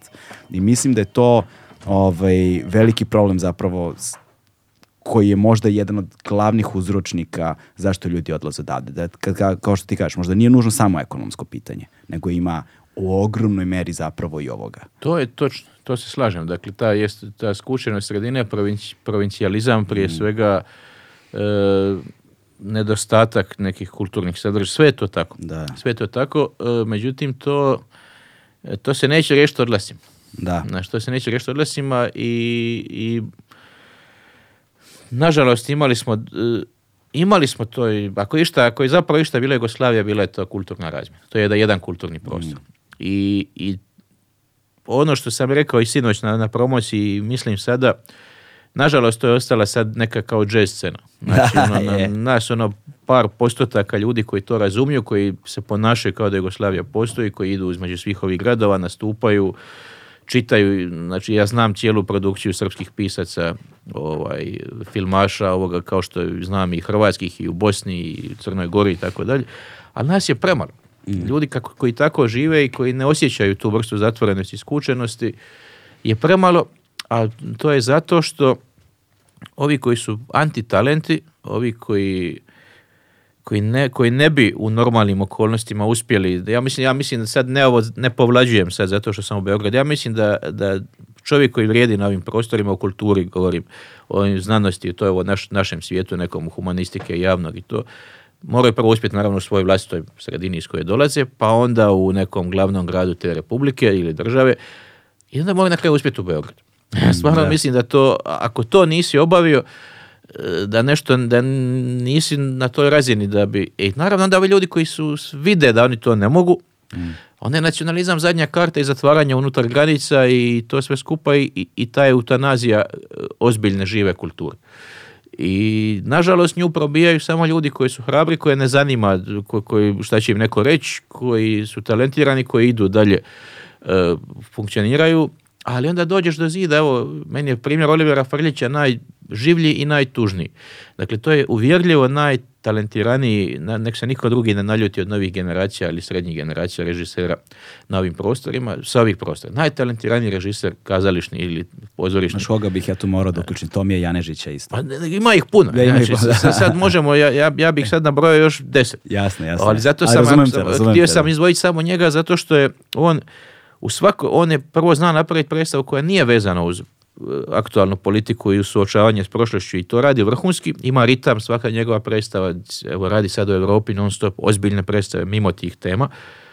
Ali on je svakoj od ovih sredina je suočio sa najgorim ono što ne žele znati o sebi. Mm. Dakle, u Hrvatskoj je radio predstavu o Aleksandri Zec ubijenoj eto, maloj Srpkinji iz Zagreba je ubijena zato što je Srpkinja. Dakle, ne bi ja to spominjao kao, kao ovaj, o, napravio je zločinima u Lori, u Splitu, o logoru, u Bosni i Hercegovini je napravio po Andriću, ali zapravo o, o, tom nacionalizmu među bošnjacima koji revanšističkom koji se Pagajmir Hadži Havizbegović zvao na telefon i ovaj, prijetio mu da povuče i tako dalje. U Beogradu je radio predstavu o Đinđiću pa, su, pa je Kokan Mladenović zapravo platio svoju poziciju nakon, direktora atelja nakon te predstave. U Ljubljani je radio predstavu o izbrisanima. Da. Dakle, svugdje je to radio i svugdje su ga ispljuvali i otjerali. U Rijeci na kraju bi intendant, dakle, čak i e, to je ekstremni slučaj, dakle, evo on je uspio, on je, njega su sve sredine prepoznale kao kvalitetnog režisera, dali su mu priliku, međutim niko nije bio spravan čut. ovaj. Mm. I sad Tvrdić može, on sad dolazi, može ako je konvencionalni teatr Da, da, da, da, da Ali nemoj molim te ovo. Angažovani teatr ni slučajno. A čini mi se negde da je dužnost svakog umetnika na ovim prostorima danas da bude angažovan, u suprotnom ta umetnost nema neku veliku težinu možda nisam u pravu, vrlo verovato nisam pravu u velikom procentu, ali jedan deo, dobar deo mora da bude. Prosto živimo u takvom vremenu, živimo u takvom trenutku. ja se slažem sa ništa što je Faglić rekao što s tim smo mi počeli ovaj naš razgovor sada oko toga da sam se zasitio. Da. Ovaj, svak treba to odraditi. Da. Znači, reći što te muči, reći i, i on je to odradio. Pa ne trebaš sad još sto godina to. Ti si to napravi, daj sad da drugi to Treba da predaš štafetu. E, kaže, ne, ne mislim da treba šutiti, Ne mislim da ako te neko pita, rećeš šta misliš, naravno. Ali već si sve obavio. On, šta će on sad po 20 put raditi o istoj stvari? Ali problem je što je on sam, ili njih je 5, 10. A gdje su dru, drugih 100, 200 vrlo talentiranih ljudi koji možda misle isto, a neće da se mm. izlože. CBD je, pored THC-a, najistraženiji kanabinoid iz sveta industrijske konoplje, samo što on nema psihoaktivno dejstvo. Mnoge studije potvrđuju njegove pozitivne efekte i pomoć pri problemu sa spavanjem. CBD ne uspavljuje niti omamljuje, ali je san čvršći i kvalitetniji. Tako reći, budimo se odmorniji. Da, da, e sad to, ta, ta nelagodnost istupanja iz pravljena tog koraka u javni prostor gde onda odjednom sve bude izloženo i počne, znaš, počnu napadi sa svih strana. Ah, to je zeznuta stvar, znaš, ja ljudima često kažem, ne znate cenu, vrednost, anonimnosti dok je ne izgubite. Da. A kad izgubiš, tada je kasno. Znaš, tada je kasno. I onda sve te neke stvari koje sačinjavaju svakodnevni život, samo nestanu. I onda treba naučiti živeti sa time. I uprkos tome, vrlo često uprkos tome, jer ako ne ideš niz laku onda si onda si na meti, stalno si na meti, uvek si, uvek si tu. Sad da se vratimo malo na tebe. Ovaj, uh, istoričar, povjesničar, jel te, po vokaciji, uh, uh, pesnik u duši. um, ti si zapravo svoj, svoj, prof, jel te, svoj profesionalni život pre svega kroz akademski rad ovaj, ostvarivao i tvoja zaljubljenost u te ove prostore, u ove kulturne prostore i i po, posledično u istoriju ovih prostora se zapravo vidi kroz tvoj rad i tvoji master radovi, doktorske disertacije su zapravo bile posvećene upravo tom jednom lokalu i istoriji tog podneblja. kako, zašto, kako i zašto baš istorija tog podneblja i šta je to što ti je rad na tome doneo kao vrednost danas? Pa evo sad si na početku emisije si rekao e, danas je rođen, godišnjica Šantićeve smrti, ali je godišnjica smrti Predraga Matvejević. Mm. Predrag Matvejević isto mostarac, čovjek koji je najprevođeniji autor s ovih prostora. Mediteran, knjiga Mediteranski brevijar je knjiga koja je najprevođenija knjiga naših jezika ikad. E, on je 87. godine napisao tu knjigu e, kao mostarac. Pazi, on je radio na filozofskom fakultetu u Zagrebu, pa je otišao, kako on sam kaže, između azila i egzila, nije ga niko protjerao, ali de facto je shvatio da mu više ovdje nema mjesta. radio je na Sorboni i na Rimskoj La Sapienci. Dakle, čovjek koji je ono redovni prvo bio potpredsjednik Međunarodnog PEN centra. Dakle, to je neki od najvećih naših, imena. Bio je Jugoslaven do kraja u, uvjerenju. e, on je 87. iz tog osjećaja Mediterana želje napisao jednu taj brevijar o, o načinu života na Mediteranu kroz povijest danas o kruhu, o hljebu, o, o bitvama, o galebovima, o morskim strujama, o tome dokle seže Mediteran. Pa recimo e, Vladimir Pištalo, eto, on je isto mostarac, ali beograđanin, sad direktor Univerzitetske biblioteke u Beogradu, ima, ima svoju knjigu Venecija, roman, i onda on kaže e, dokle, dokle seže Mediteran, kaže 200 metara iznad Pištalovih kuća u Mostaru, do gore raste ovaj šipak, a onda ne može dalje buraga. ovaj, E, i, i ta knjiga je mene zapravo u mnogome formirala i Matvejevićevo neko, e, neki osjećaj Jugoslavije i tog poraza i bola, ali i Mediterana prije svega. I, i meni je taj e, mediteranski svijet e, nešto što me jednako određuje kao jugoslavenski svijet, iako je jugoslavenski svijet duboko involviran u Mediteran. Mm. dakle, ta Venecija, ta trgovina, E, sa Balkanom, taj, cijeli taj Dubrovnik i Korčula i Mostar, mislim Mostar Most je napravljen da bi ljudi mogli trgovački prelaziti do Jadrana.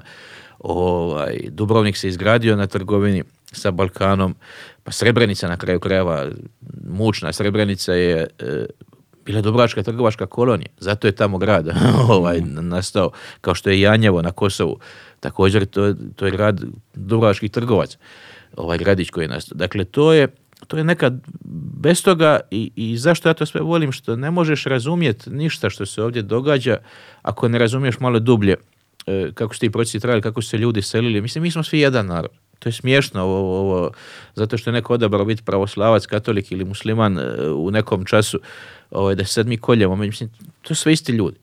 Mi smo tu svi zajedno živjeli, samo je povijest onaj, jedan brat je otišao, ne znam, pobjegao od Osmanskog carstva u Dalmaciju pa je primio katolicizam, drugi je ostao na granici pa je bio pravoslavac, treći je ostao pa je bio musliman, pa tri brata doslovno. Dakle, to su, to je naša stvarnost. I meni je, eh, htio sam razumjeti zapravo, uputio sam se u istoriju i htio sam to završiti da bi, da bi razumio zašto se ovo sve dogodilo i za nekim svojim interesima. Dakle, ja i dalje mislim da je Venecija, kao što mislim da je Beograd i dalje moj grad, ja mislim da je Venecija moj grad. Znači u Veneciji dan danas imate ulicu Hvarana, mislim na talijanskom se piše, ali ulica Hvarana. Kako se na talijanskom piše? Ovaj, Kale di Lesina, je Hvar, e, Šoltana, dakle Splićana, dakle cijeli tamo kvart onaj, oko Arsenala, Kastelo, je pun i dan danas prezimena dalmatinskih sa ICH oni su venecijanci već 400 godina, ali to je to je naš glavni grad bio koliko stoljeća i cijela baština i jezična dalmatinska i način izgradnje brodova i razumijevanje svijeta jeste bio u tom prožimanju. I sad taj, e, ako govorimo o ovim, ovim dinarskim krajevima, gdje su, e, to, je, to je sve poetika granice. Znači, granica i, i sad ovaj nesretni rat 90-ih i taj egzodus Srba i Srbotke, oni su, oni su došli s Venecijom u 18. stoljeću zajedno E, iz, iz Bosne i Hercegovine kao morlaci, vlasi, stočari, ratnici za Veneciju, katolici i pravoslavci zajedno. I na kraju su se to završilo tako kako se završilo sada 91. do 95. Ali ti su ljudi zajedno došli krajem 18. su početkom 18. stoljeća u zaleđe Dalmaći. I e, da bi to shvatio, e, moraš shvatiti da je to granica. Znači, mi smo svi narod granice narod granice koja je stoljećima tu, pa i dan danas nema točke u Hrvatskoj gdje vi za sat vremena sa auto niste na granici. Znači, je. Kako je Peđa lično rekao, cela Hrvatska je u pograničnom pa području. Pa jeste, doista jeste. I to, je, to razvija, neku vrstu specifi, granica je i sukob, i rad, i zatvaranje granice, i karantena, sve je to granica kao što se sad i u covid ovaj, mm ali granica i, pre i premošćavanje i kultura i suradnja i trgovina i mi smo sazdani od tih suprotnosti i mene to jako zanimalo. Na kraju krajeva kad sam u ratu prelazili smo to granicu sto puta, zeznuto je kad, kad ti ne znaš, kad si ti u vlasti, realno vlasti ovoga na, na punktu. Ovaj, nema tu sad zakona u ratu. Ne, ili mu se sviđaš ili mu se ne sviđaš, da li se tvoj dokument njemu sviđa ili mu se ne sviđa. Tvoje ime, tvoje prezime. Tako je, dakle tu puno ovisi E, u takvim okolnostima. I zanima me to. Jednostavno me to zanimalo i tako sam završio u tom akademskom svijetu. Da, a onda s druge strane kada smo, kada smo govorili, kada si pomenuo te proste ljude, jel te, koji, e, koji, koji nemaju ništa drugo, pa onda pribegavaju na kraju nacionalizmu, znaš, ovaj, onda mi je pao na pamet Kerum, znaš, kao, kao, jedan, kao jedan od e, ono, sukoba uh, u javnom prostoru koje si ti imao, e, koji su te negde, čini mi se, i lansirali u, u, ono, u, širi javni prostor da je veći broj ljudi zapravo saznao ko je Dragan Markovina. Je to bilo u periodu kada si ostao bez posla na Tako univerzitetu? Je, to je bilo, ja sam... O, ispričaj samo... može, ukratko ću, znači, ne, ne volim o tome, mislim ne zato što, nego glupo je da sad na taj način pričam. Ovaj. Nije mi žao na kraj, ništa mi nije žao. Ja danas živim realno puno kvalitetnije, bolje i pa i više zarađujem nego što da sam ostao na fakultetu. Jasno, da. o, ovaj, ali bila mi je trauma ostati bez tog posla, oni su čekali da meni istekne ugovor e, iako sam ispunio sve uvjete, imao sam docenturu, držao sam kolegije, dakle, doktorirao sam u roku, sve sam mogao, imao sam odlično studenta. Stvar je bila kad je gradsko vijeće Splita odlučilo da digne spomenik Franji Tuđmanu na Rivi, jednoglasno, da sam ja poludio i rekao, pa će, ja znam da bar pola grada je protiv ovoga i znam što je Tuđman napravio prvi Splitu i ne slažem se s ničim od njegove politike i išao sam, izašao sam javno poveo, počeo organizirati peticiju protiv toga. Samo mm. zato što niko nije bio moj glas u vijeću. Jer su ovi iz oportunističkih razloga koji se ne slažu glasali za. Eto, mm. da ne bi ih optužili da su izdajnici. I tu se 5000 potpisa skupilo u 15 dana. Ja sam tad počeo dobijati prijetnje. Su, da, I ostao sam na kraju bez posla zapravo radi toga. Što sam se javno eksponirao kao neko ne podnosi Franju Tuđmana i cijeli taj kontekst. I kažem, i onda sam ušao i u lokalnu politiku, onda je to sve ono što čim se danas više ne bi nikad bavio. Ovaj.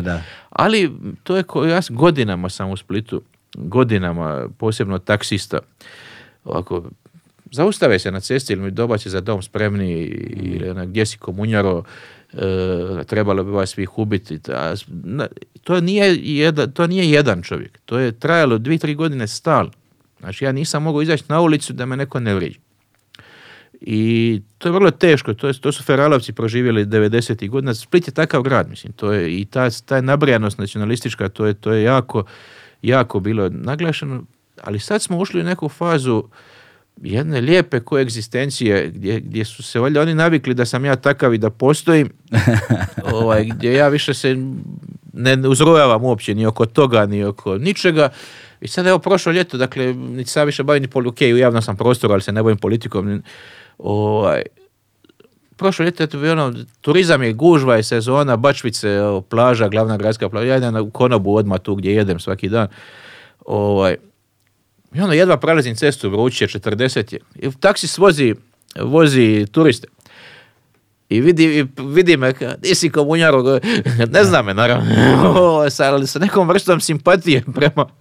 Tako da smo, da smo nadišli smo to sve skupa, a što se tiče fakulteta, to je jedan grozan odnos ljudi gdje ja shvaćam da su E, trebalo mi je dugo da to shvati, ja sam mislio da je fakultet neka privilegirana sredina, da su ljudi iz akademskog svijeta, mislim, to je moj svijet, ja sam, kažem, doktor znanosti, deset godina sam radio na fakultetu, puno su iskreniji ljudi u globalu, znači sad, sad generaliziram, ali naravno svugdje ima ljudi koji nisu to. Jasno, jasno.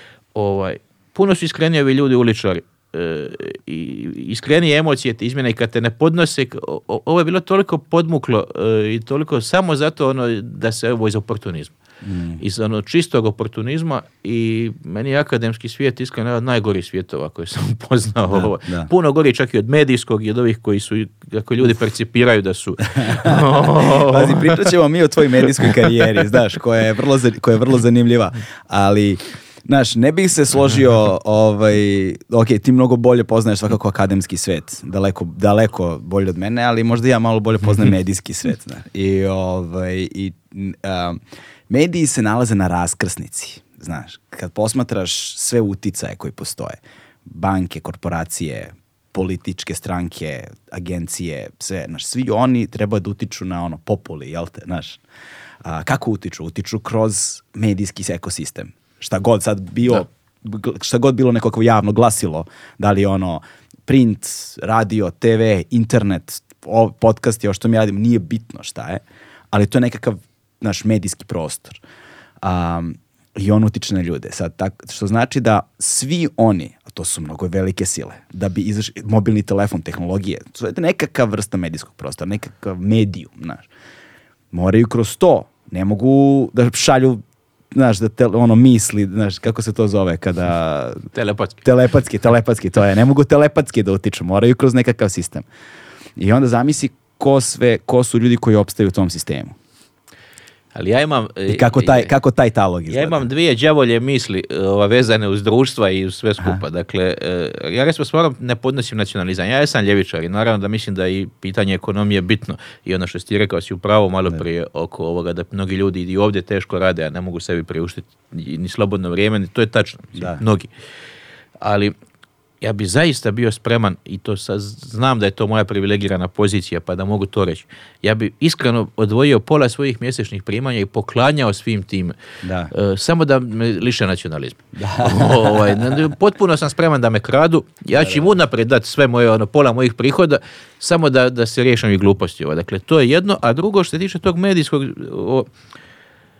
više e, manje imam problem sa ljudima koji su otvoreno prodali nekome mm. i ti znaš da su se oni prodali, možda javno šira ne zna, ali ja to znam i to znamo svi. Od ovih e, akademskih ono, ljudi koji, koji se boje da išta kažu protiv ičega. Znači, ono, ja ovo cijenim. Ja mislim, na neki perverzan način, ono, imaš cijenu, toliko to košta, ja ću raditi za interes ovoga koji je okay to je ono čista ponuda i potražnja, ali ovo, o, ovo glumiš mi nekog poziciju intelektualca, znanstvenika, naša zapravo si ono prepadnut od samog sebe, odrađuješ, misliš šta neko očekuje od tebe. Ovaj. to je kao na priču sa profesorom Đurićem ovde, ovaj, kaže, lako je tebi, ti u diple sviraš, ja deci predajem etiku. Eto. Znaš, e, to, to, znaš, ovaj, ali...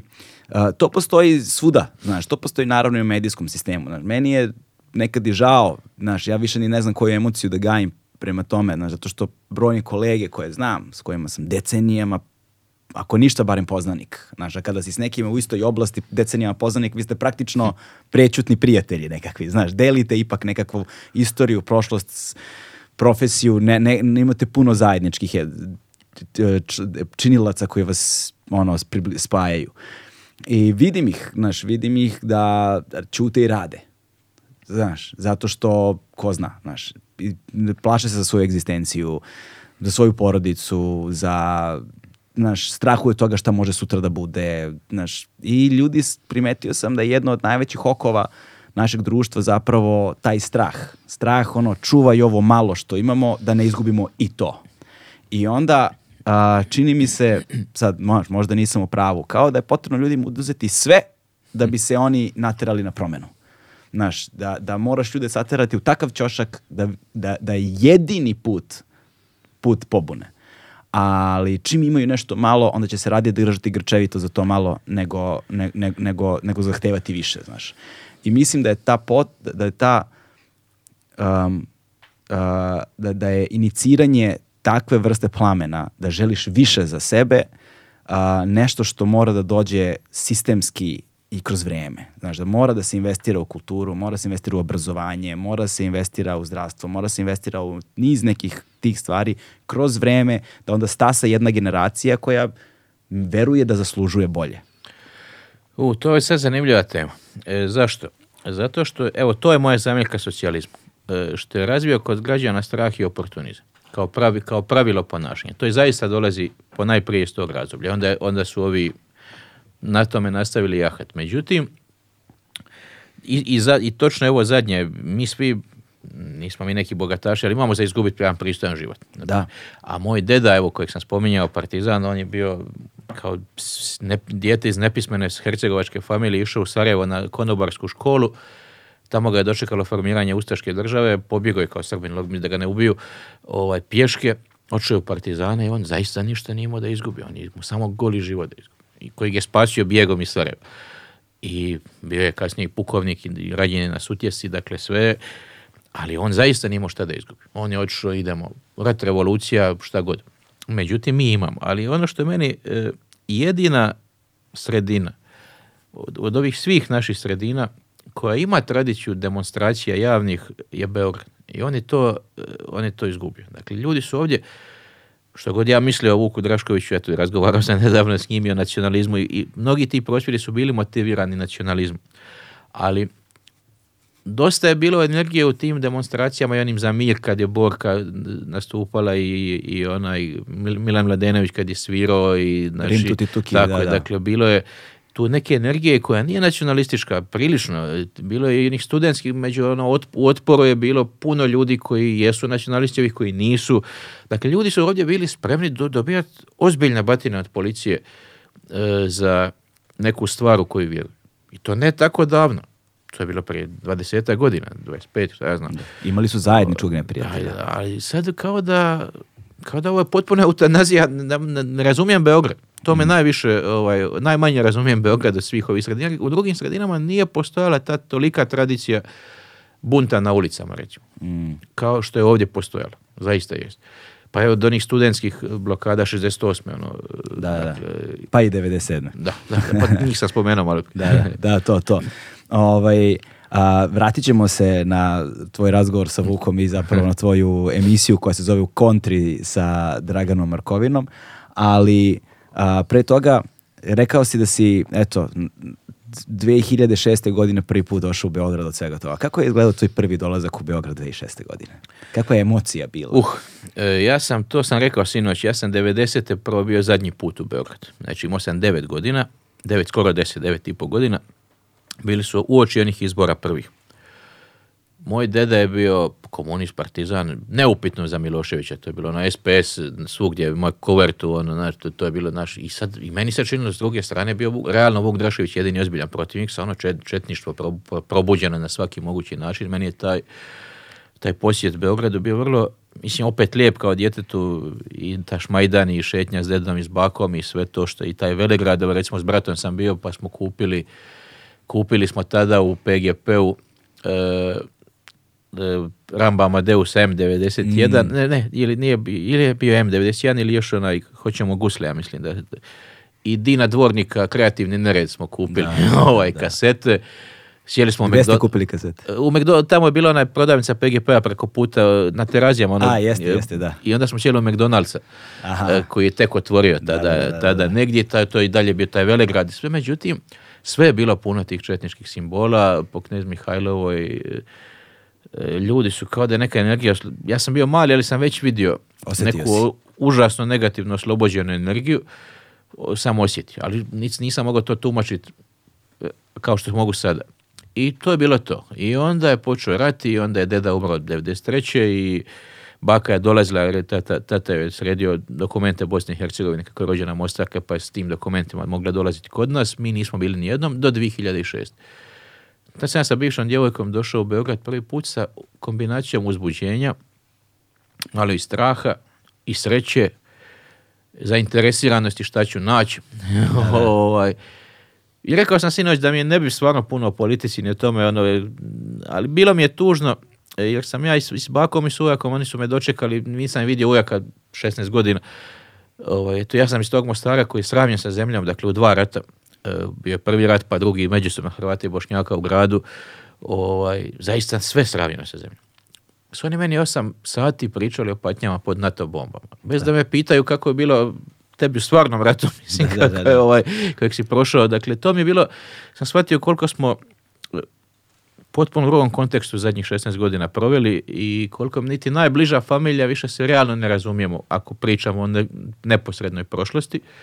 I to mi je bilo žao to mi je bilo žao. Imao sam nekog straha hodati tad po Beogradu. Iskreno, vjerojatno je bio on, ishit, mislim, on nije bio racionalan niti sekund, nije mi niko nikad ništa. Još sam, sam čisti dalmatinski naglasak, ljudima je bilo jako drago.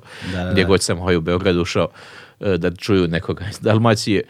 E, I bilo je lijepo. Stvarno je bilo lijepo i, i došao sam do tog nekog, e, do one nove svijesti, jer sam tad još studirao u Zagrebu, odnosno već sam završio studij, ali sam još još jednu godinu, dvije živio u Zagrebu, ovaj, ponovno sam osvijestio koliki je Beograd velegrad i koliko recimo već Zagreb koji je drugi grad u odnosu na Jugoslaviju recimo je mali gradić u odnosu na Beograd i gabaritima i načinom življenja i ritmom to, da, I, I, vrstom, znaš, e, ovo, ja sam bio ovim knjižarama u Beogradu. Mm. to u Zagrebu već su bile umrle, već i kapitalizam ih je pojao onaj a onda se opet, opet sam postavio sebi ono vječno pitanje koje dan danas nemam odgovor. Kako da baš taj grad kojeg ja volim, ja stvarno volim Beograd, mislim, i to imam i emotivnu vezu s njim, e, da baš taj grad tako načitan, toliko, recimo momu kapora sam gutao, kupio sam tada sve njegove poratne knjige, ovaj,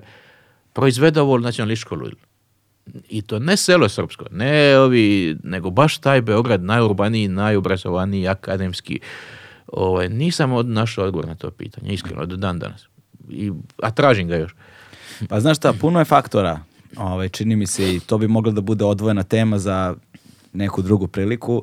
Ovaj, ne bih se usudio, znaš, sad da, da, da navodim, uh, znaš, kao da otvoreno razmišljam, zato što bih morao da promislim svaku od stavki koju bih želeo da izgovorim i da vidim koje su posljedice izgovaranja tako nečega, znaš.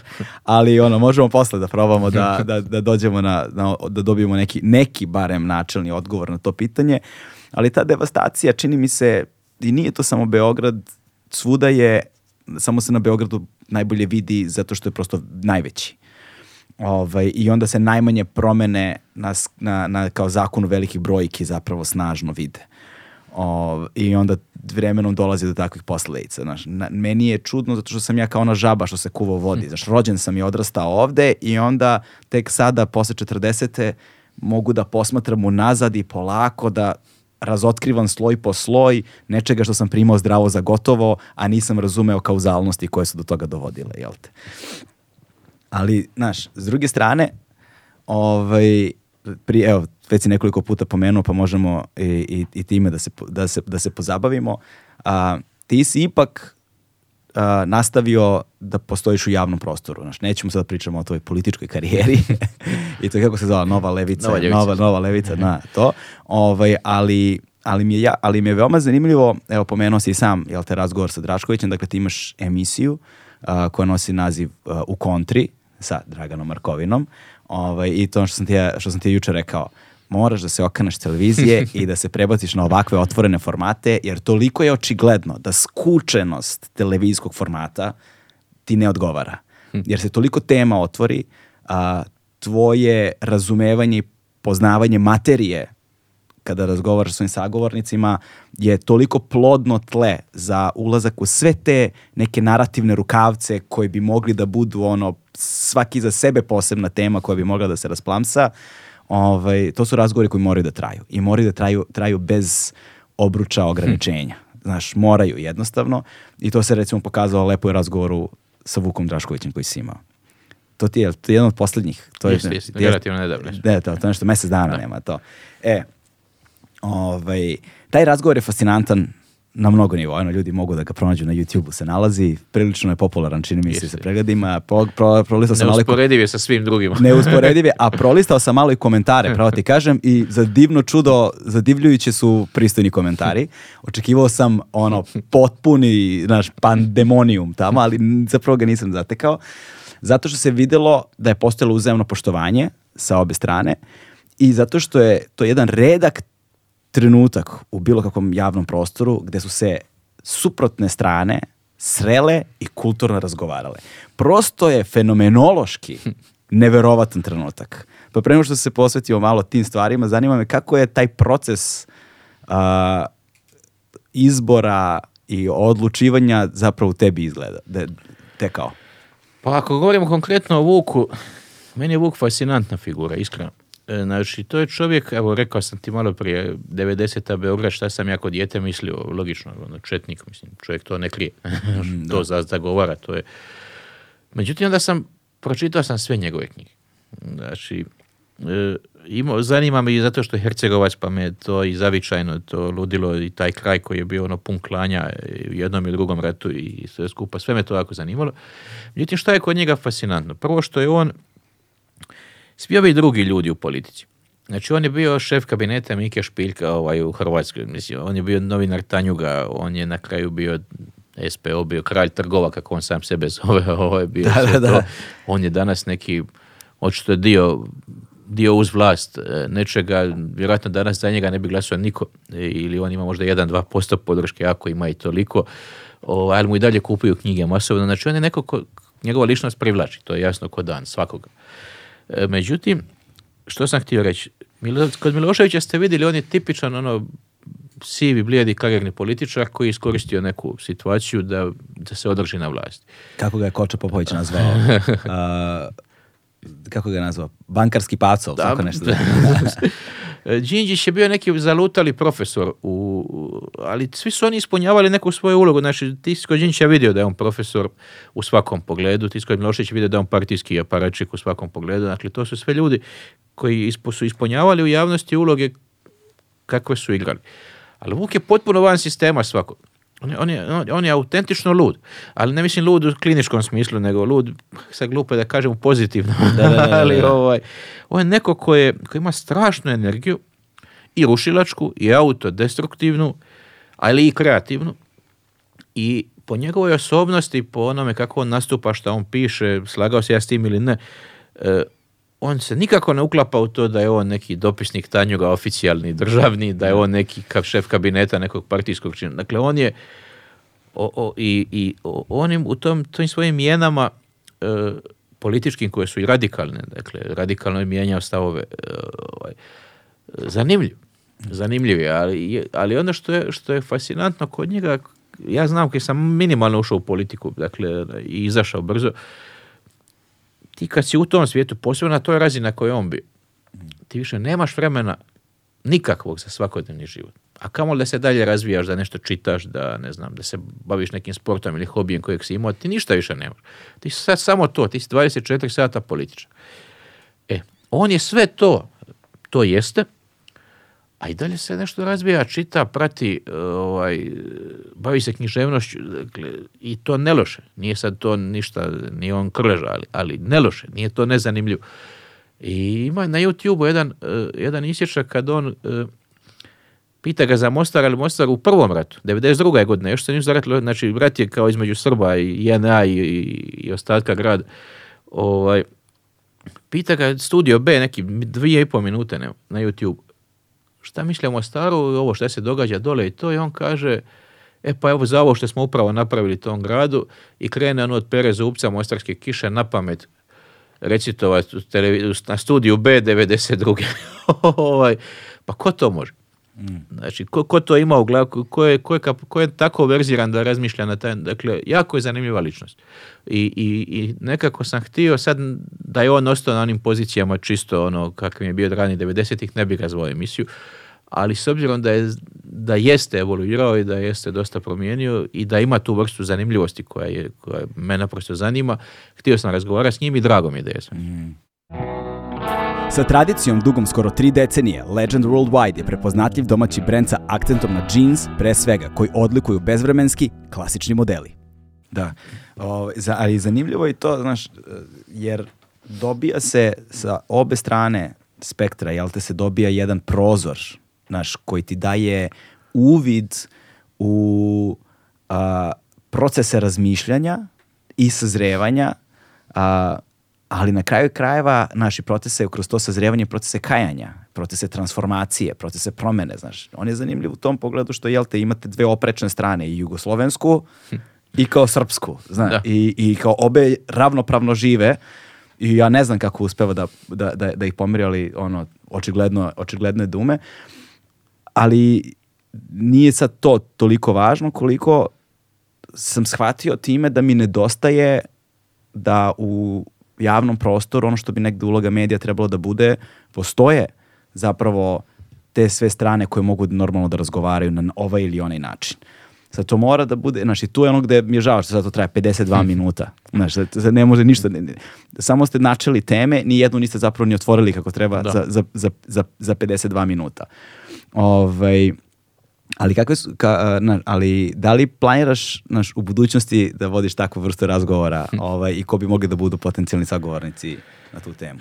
Pa ja bi, e, ja zaista sam, dosta sam, kad sam krenuo se, mislim, baš htio da niko iz politike ne bude. Da, budu samo ljudi iz kulture, umjetnosti, naravno svaki od njih je javno prisutan i ima svoje političko mišljenje, pa bi to uvijek bila mm. tema razgovora, ali nisam htio, e, ali bi ljude koji su zapravo bili na nekim pozicijama, više nisu, koji nisu nezanimljivi. E, šta znam, evo, kad bi me pitao, kad bi me pitao u Srbiji, sad će, sad će me, sad će me izvrijeđati svi, ovaj, ja bi jako volio razgovara s Vučelićem i sa Ljubišom Ristićem. ne mislim da su njih dvojica isto, ali su, nič, ni u čemu se ne slažemo politički, ni o čemu, niti bi ja ikad radio i pristao raditi ono što je radio recimo Vučelić ovaj, na taj način bio neki dio medijskog, mm.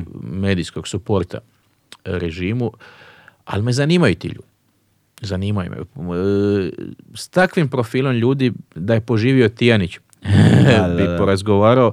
Dakle, e, razgovarao bi s ljudima koji jesu dio sistema bili ili ostali, s kojima recimo nemam ništa zajedničko u smislu političkom, ali koji nisu nezanimljivi, nisu mi banalni. Meni, su, meni je većina ljudi u današnjoj vlasti, pa i sam Vučić, ako govorimo o Srbiji ili Plenkoviću, su banalni ljudi. šta sad od njih možeš, eh, evo sad da, razgovaramo iskreno, čak i kad bi se otvorili, šta ćeš izvući? Znaš, nema tu, nema tu ništa pod B, to je sve pod A, evo sve ti je tu. O, ali ovi ljudi jesu zanimljivi, ovi ljudi nešto i čitaju, eh, znaš, s njima bi se dalo, dalo razgovarati, ja mislim. A mislim da bi se u nekom času mogli dovesti na iskren razgovor o, da. bilo čega. Volio bi naravno razgovarati s Kusturicom.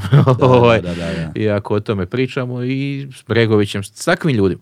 Da, da. Znači sad tu se povlače dve stvari kao ono prirod, prirodne teme i kao tu ono opasnost zalaska u jel tu mm. taj tu sivu zonu gde ono možemo svi lako da se okliznemo i napravimo sebi problem u životu. Znaš, s jedne strane, e, povlači se uvek o pitanje takozvane relativizacije. Znaš, da li postoji tačka u kojoj mora se povući linija i da se kaže jasno ovo je, ovo ne sme, ovo sme. Ovaj, I ovde se linija nikada ne prelazi. A, znaš, jer time onda, bez obzira što pokušavaš da saznaš nešto drugačije, zapravo kao posledicu... Legitimiraš, po, legitimiraš i relativizuješ, znaš a opet povlačenje jasne tvrde linije je uh, je taj taj decidirani rigidni ono stav opet ne vodi nikakvom pod znacima navoda u nedostatku boljeg izraza pomirenju, znaš. I da li je to nešto što, znaš, na koji način se hoda tom stazom, na koji način se zapravo kompas, ono, gde nalaziš orijentaciju i koje su ti referentne vrednosti? Pa ja sam stvarno htio, kad je krenula emisija, da razgovaram s ljudima koji su ostvareni, koje ja osobno cijenim, koje ja cijenim, koji su prepoznatljivi na jugoslavenskom prostoru ili barem u tim svojim državama ovaj, u nekim javnostima i koji nisu nacionalisti. To mi je bilo, je bilo osnovno. E sad, počeo sam pomalo, jer na kraju krajeva istrpiš, pet puta razgovaraš s istim čovjekom, dakle istrpiš. Da, E sad bi stvarno, istina, ti si u to, ali ono što mene umorilo, sam sam sebe umorio prvo, onda su me umorili moji sumišljenici ili isto mišljenici s tom vrstom isključivosti koja ne vodi nigdje. Ne. Znači, ako govorimo, ako govorimo o javnom prostoru, nije nikakav problem da, mislim, ako je poanta da se samo nešto snimi da bi se snimilo ili da bi se od toga nešto uprihodilo, pa ćeš ono foksirati. isto. Ako je to poanta, onda je to legit, to je sasvim red. Ali ako je poanta da se u javnom prostoru nešto djeluje i pokušava bar malo promijeniti društvo, onda utvrđivanje vlastite pozicije ne vodi nigdje. Mm. Znači, šta znači 128 razgovora e, s sugovornicima koji sam ja napravio, da, da. gdje mislimo sve isto. Gledat će nas ljudi koji se ovo što sam rekao na početku, koji opet to isto misle, jer hrabrit će se, viš nismo sami, kako je dobro, kako je, kako je dobro rekao ovaj, ili rekla. I to ide tako. I, ali šta dalje? Znači, ako govorimo o javnom prostoru, stvarno mislim da treba razgovarati, probati nešto probite. Sad, i mene iznervira kad slušam nešto me jako uznemirava, ne, ne mogu to ni podnijeti, ovaj, ali se trudim. Pitanje je da li uopće još postoji prostor za dijalog u ovim našim društvima. Nisam siguran, mislim da je čak Srbija tu i Bosna, Hrvatska je nešto bolje, eh, Bosna i Hercegovina i Srbija su u groznoj situaciji, dakle, eh, čim se ne slažeš, etiketiran si već kao neprijatelj, to ide do razine, naš, ono, tačno se zna u koje medije ide, ko, ovaj, i mislim da je tu uloga, koliko god ti si upravo, što si mi rekao, i ovo je novi forma podcast, sve je to super, ali i dalje eh, javni servis igra ključnu ulogu. Dakle, RTS u, u Srbiji HRT u Hrvatskoj federalne ili BHRT ili Republike, radio iz Republike Srpske u BiH, to su javni servisi, oni moraju prestati biti kontrolirani izravno od, od vlasti. Ha, pa, e. želje su jedno, e, stvarnost je nešto sasvim. I onda su to su na tim platformama ili medijima koji su zajednički, koje svi financiramo, koji su javni, bi moralo biti ove vrste rasprava. Mm. E, a ne u nekom kutku komercijalne televizije ili podcasta. Treba biti jer nema gdje drugo ni biti sad. ali, ali je poanta Mislim da, da bi ključni pritisak nekih demonstracija protiv bilo čega trebalo biti da se javni servisi depolitiziraju.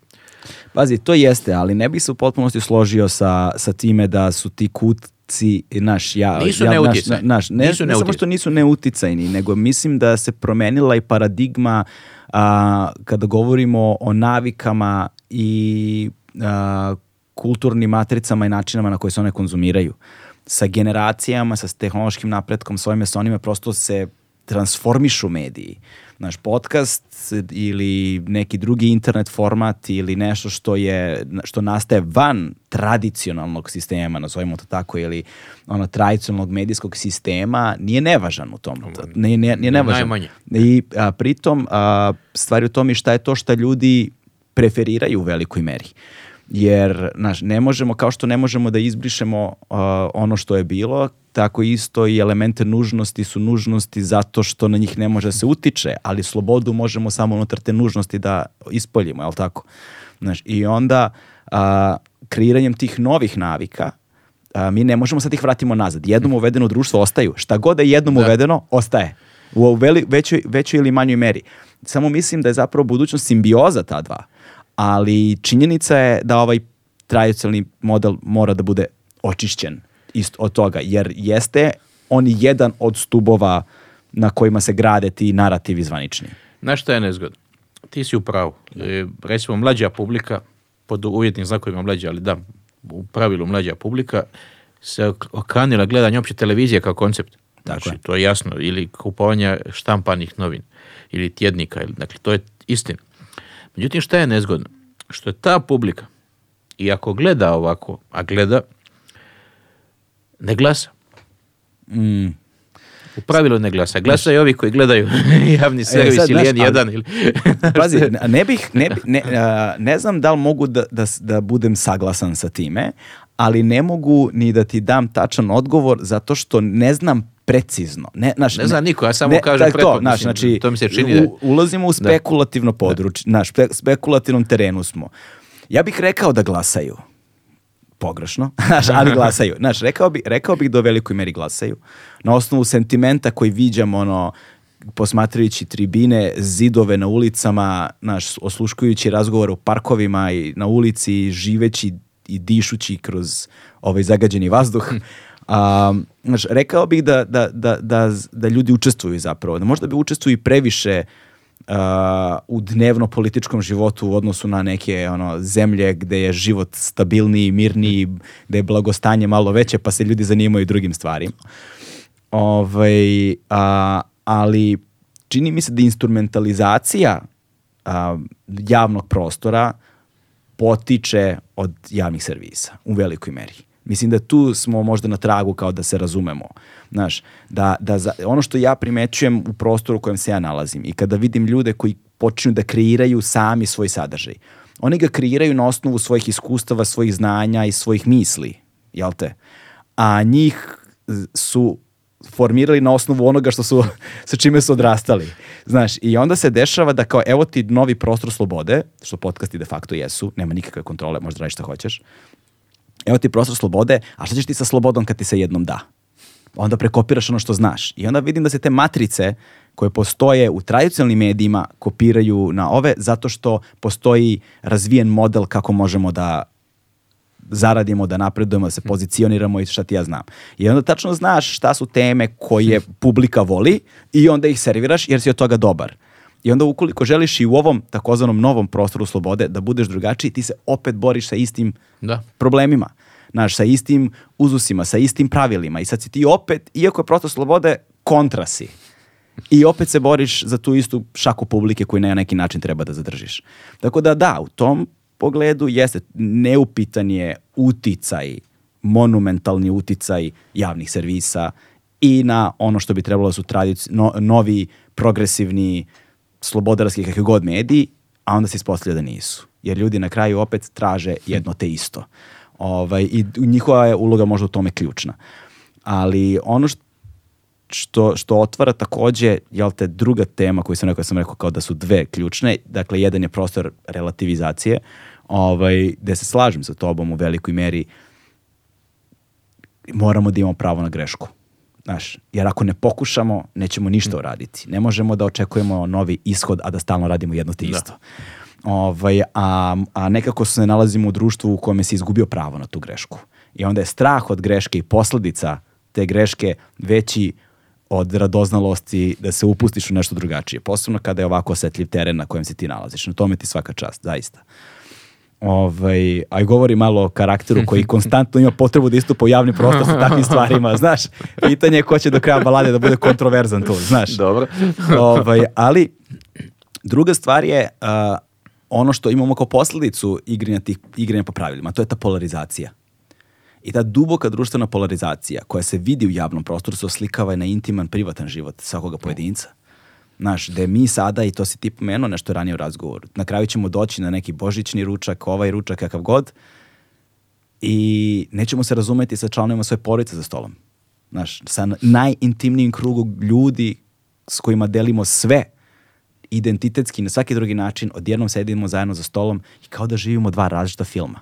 Potpuno različita, u kome se apsolutno ništa ne razumemo i najmanje pojedinosti više nisu zajedničke. Znaš, kao, kako izgleda, imaš, siguran sam da ti u svom životu imaš te iste, kao što svi imamo, ovaj, ovaj, podele i, znaš, kako ti vidiš njihovu prirodu s jedne strane, a možda i, ne znam, put iz toga s druge strane. U, to je zanimljivo. Pa, već sam govorio nešto o familiji, ali mogu ti reći o, o Mostaru. Evo, znači, tamo sam godinama nisam bio, desetljećima živio i sad sam se zadnje tri, četiri godine, pa uglavnom živim u Mostaru. I isto, sve sam ono što sam ti rekao prošao i bijes i mržnju prema ovome i prema neistomišljenicima i sve. I onda shvatiš zaista ispod, vrlo brzo ispod površne, sve to kulja i dalje. Sve kulja i to nerazumijevanje i drugčije gledanje na rat i na onaj tamo rat i na ideologiju ovu ili onu i, i ne treba puno da se ljudi ono zapale. Međutim, na površini koja nije samo površina, ona je, ona je isto dubinska kao što je dubinsko i ovo. Postoji to isti smisao za humor. E, ljudi znaju da, da, ono, mogu se dobro zezati zajedno, e, vole nogomet, mislim, vole kupanju neretve, vole iste stvari jer su u istoj zajednici odrasli.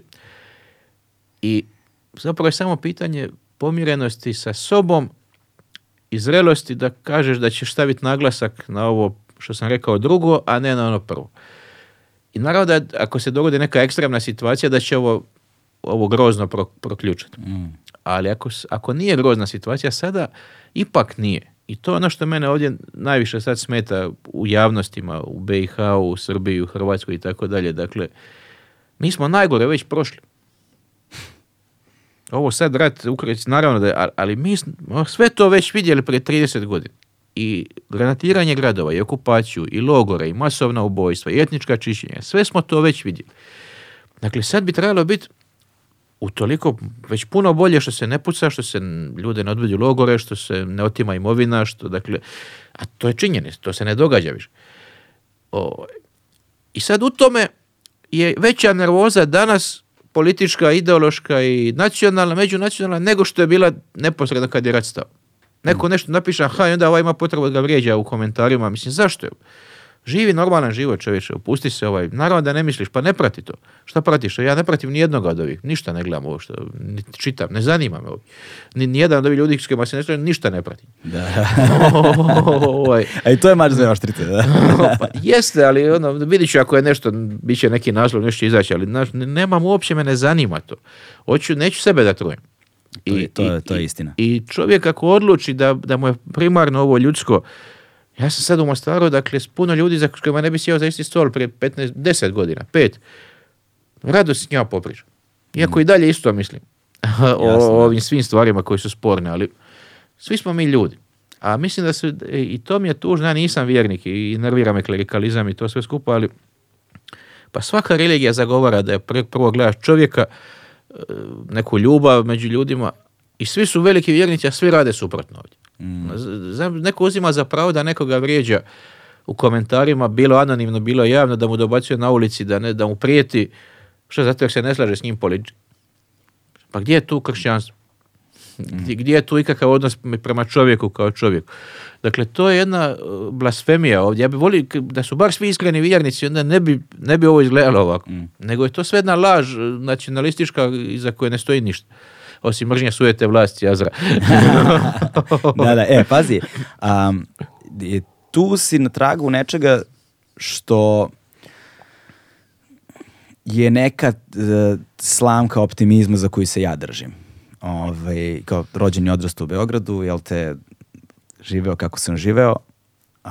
I kada sam prvi put počeo da putujem po zemlju u kojoj sam rođen, a video sam više sličnosti nego razlika. Jer odrastao sam učeći o razlikama. Nisam učio o sličnostima. Nisam učio o onome što nas zapravo spaja. I onda sam kroz vrijeme i prostor koji sam obilazio počeo da uviđam da stavljam akcenat na te, te sličnosti i da razumem jednu stvar, a to je da nema empatije bez identifikacije. Identifikacija je preduslov rođenje saosećanja. A identifikacija se dešava na elementarnim nivoima. Priznali mi to sebi ili ne. I to se najbolje vidi kad odeš u inostranstvo. Znaš. Tamo smo svi naši. Ovde smo, e, ne znam, Srbi, Hrvati, Bosanci, Crnogorci, Slovenci. Hmm. Tamo smo naši. Slovenci malo manje. Tamo smo naši. Znaš, e, ovaj, ali ovde se te podele onda dobijaju na značaju zato što se one forsiraju, zato što one služe kao instrument za postizanje što političkih, što ovakvih, što onakvih, nešto što je u javnom prostoru. Ali kad zagrebeš taj javni prostor i kada odeš i upoznaš ljude na samom lokalu, gde god, ono, da li si na Kosovu, da li si u Bosni, da li si u Hrvatskoj, kad upoznaš ljude, svi ljudi imaju iste potrebe. Da, da nahrane sebe, svoju porodicu, da obezbede kako tako pristojan dobar život, da obezbede budućnost tvoje deci, neku sigurnost. Svi žele isto. Nema, zato ja kažem, nema posebnih potreba, svi imamo iste potrebe. Ovaj, a onda imamo isti jezik. Razumemo se, de facto se razumemo. Možemo tvrdimo se, ne razumemo se, razumemo. Znaš, razumemo se čoveče, razumemo se u svakom pogledu.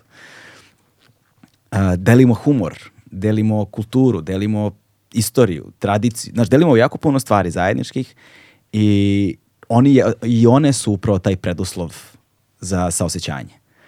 I, ovaj, I trenutak kada to počnemo da razumemo. Znaš, počnemo, ja sam osjetio sopstvenu transformaciju. U trenutku kad sam počeo zaista iskreno da osjećam saosećanje ovaj, za to kako se osjećaju ljudi na prostorima na kojima možda ja nisam odrastao, ali zapravo sve to naš zajednički prostor, tada sam shvatio šta je moj identitet. Znaš, jer, jer taj identitet je upravo nešto za čime sam sam tragao celoga života. Znaš. E sad je samo pitanje kako se taj poruka tog identiteta zapravo širi hm. dalje. Znaš, možda je tu ključ taj dijalog koji treba da se desi na javnim servisima. Hm. Za početak. Znaš, možda je to inicijalna kapisla. Čini mi se da sve ovo su pojedinačni nekakav pojedinačni trud, trud pojedinaca. Znaš, a i da onda on prosto ne odjekuje daleko. I taj odjek se ne zadržava dovoljno dugo.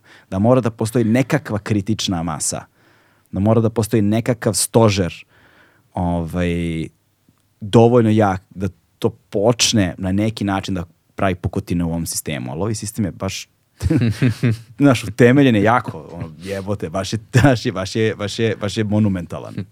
Znaš, tako da, to, to je ono za što se ja negde držim, znaš, i, i to je ono što pokušavam nekako i da imam u ovim razgovorima ovde, znaš, da dolaze ljudi ono sa različitih strana i da se nekako vidi ta, nit zajedničkog.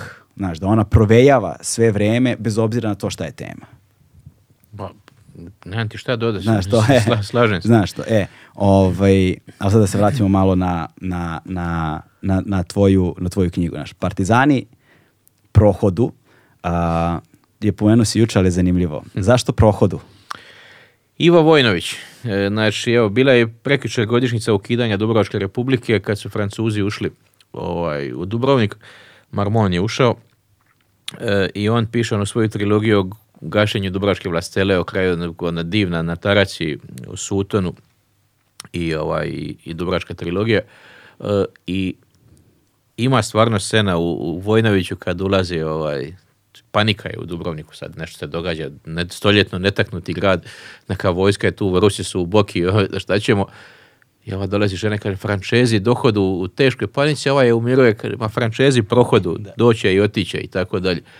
I, ovaj, i to je, e, to se meni, ovo, ovo, ova društva su se ponijela prema partizanima i tom razdoblju socijalističke Jugoslavije kao nečemu što je ekses koji prohodi i bit ćemo mi mirni kad oni prođu. Kao da su već i zato sam uzeo i, i kao parafrazu Vojnovića i kao autoironiju i kao naslov otpora. Ja mislim da, to nije tačno.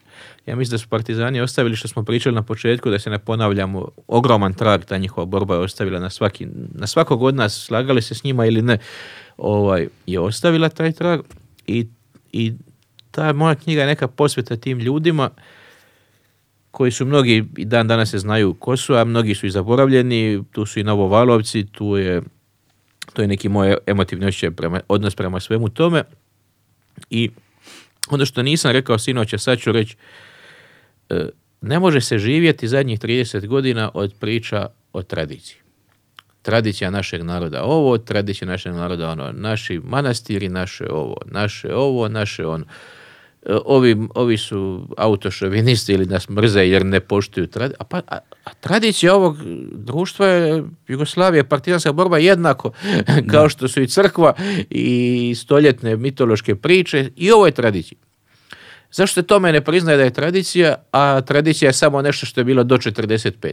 Odnosno ovo je do 41. jer tad su ti ljudi, ne samo 41. ovdje, je KPU bila jaka i između dva svjetska rata. Dakle, mi već imamo 100 godina neke ozbiljne lijeve tradicije – za koji su mnogi ljudi dali živote s ovih prostora i izgradili nešto.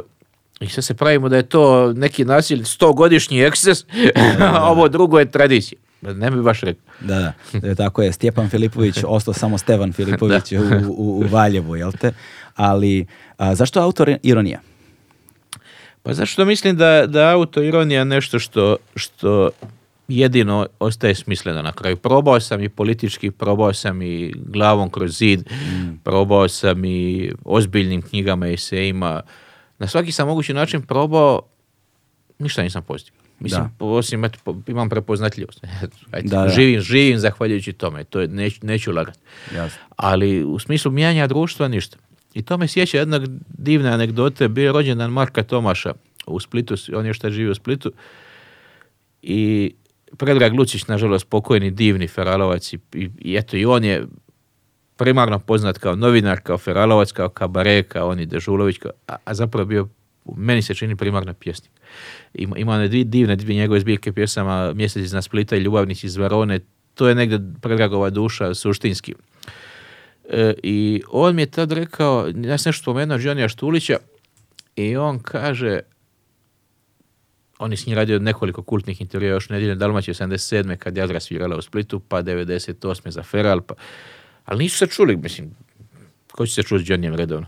da, da, da. I kažeš, nije bilo ni mobitela, ili su se tek pojavili, kaže, zvoni meni kućni telefon, neka kasna doba, ono, skoro ponoća i se, zabrinuto se javljam, znaš, šta je.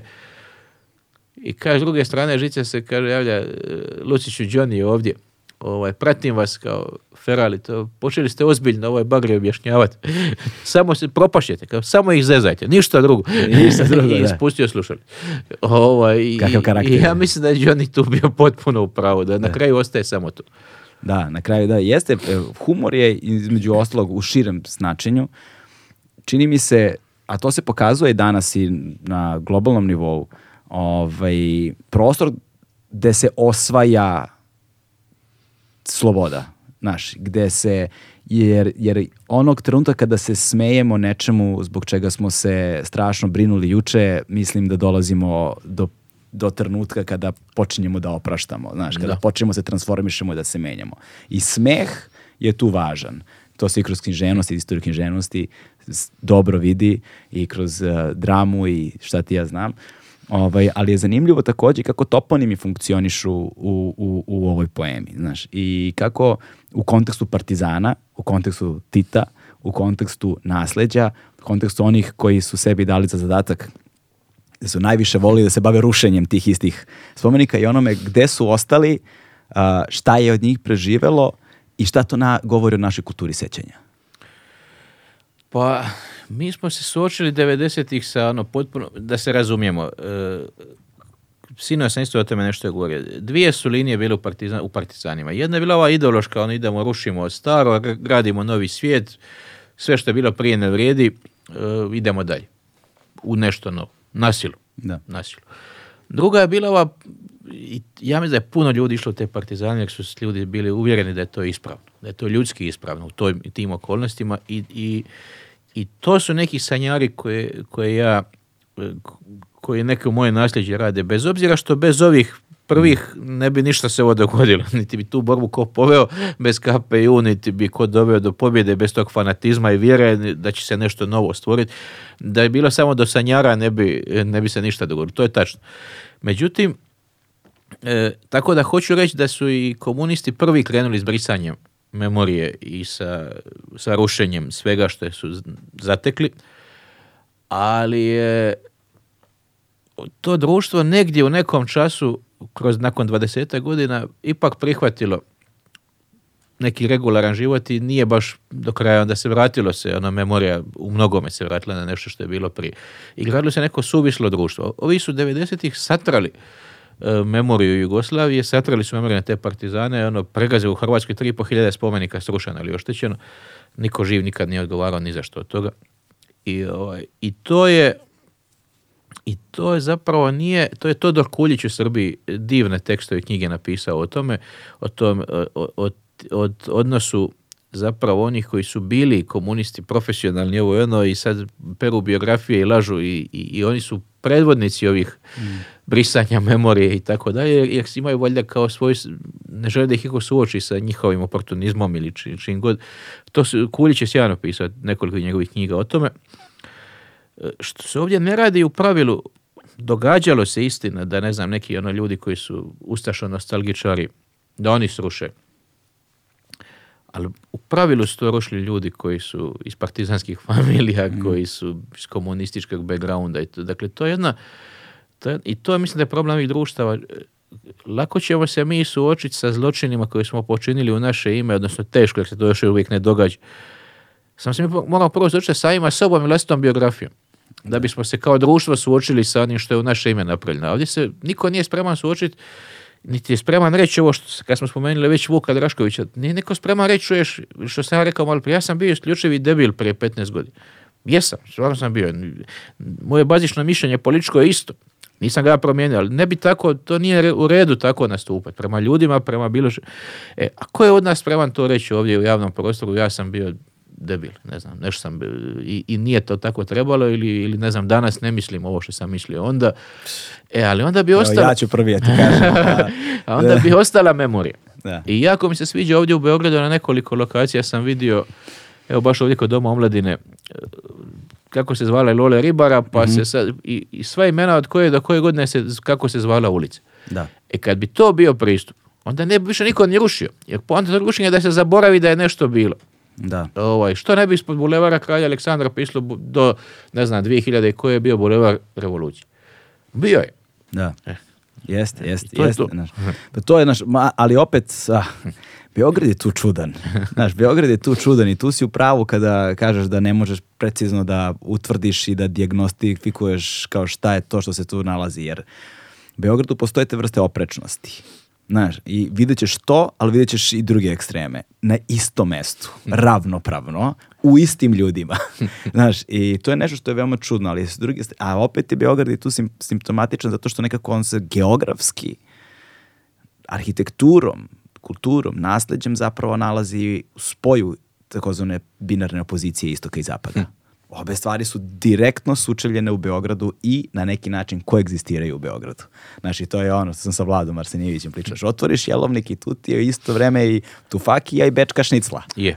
u jelovniku. Samo ih niko još uvek ne dovodi u pitanje. Pitanje je kad ćemo dotle znaš. I oprosti, kad si to već spomenuo, moj apsolutni šok kad sam prvi put došao u Beograd nakon i sad jeo sam u onom znaku pitanja. Aha, e, je. I sad, Prva kafana. Ej, šta ćemo, slatko? I daj mi neki jelovnik, nema ništa što bi ja pojel. Kad vidim na stolu do, ljudi jedu baklavu. Šta? A to je suva pita. Molim, suva pita. to nije baklavel, nego je suva pita, što jer to muslimanski zvuči. Da, da, da, mi baklavu. Nemoj da to se sad i sa kafom desilo znaš. znaš. Nije više turska nego domaća u velikom... Pa velikom... Pa šta ćemo se lagati za Boga? ali, znaš, to ti je, naš kada se držiš, kada, kada, kada se pijem plota držiš tih nekih uzusa, onda one nužno, ako dovoljno dugo sačekaš, postaju uh, ono... Uh, po, postaju ogledala same sebe, znaš, postaju, postaju komični u svom hm. konečnom obliku. Znaš, i onda više niko ne može to da uzme za ozbiljno. Ali, znaš, vidiš u kakvom ludom vremenu živimo, svašta prolazi, stvari koje nisam mogao zamislim juče, danas su, hm. danas su, danas su nažalost stvarnost. Ovaj, zašto, zašto poema? to je vrlo zanimljivo, znaš. I ono, ako si hteo da budeš, da si htio budeš manje komercijalan, teško bi uspio, se. Ali kao, zašto, kako, e, e, kako poema kao format u koji si ušao sada u, u ovoj fazi života? Evo ovako, znači ja sam godinama pisao ove eseističko-historiografske knjige i ja mislim da se svaki čovjek dođe u jednom času do, do toga se ponavlja da dođe do zida. Sad ima onih koji uđu u manjer i kažu super, ovo mi dobro ide, ja mogu takih knjiga, pa i sad sam objavio jednu nedavno. Sad sam izašli tri knjige u mjesec dana.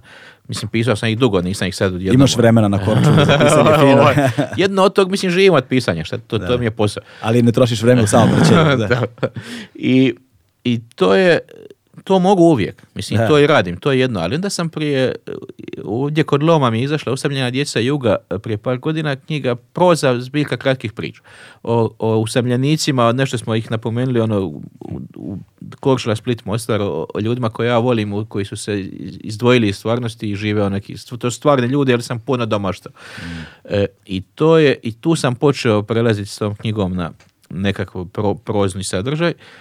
Onda sam u Neum Kazablanka, to, to mi je izašlo u Sarajevu prije tri godine, dvi godine napravio nekakvu vrstu put, povijesnog putopisa kroz Hercegovinu i Dalmaciju, slično ovome, ali proznog i počeo sam, shvatio sam da mi prozna forma je dobra, ali da mi fali eh, ovog mog meta, što ti rekao metafizičkog, fali mi nekog emocionalnog involviranja gdje sam provukao par pjesama.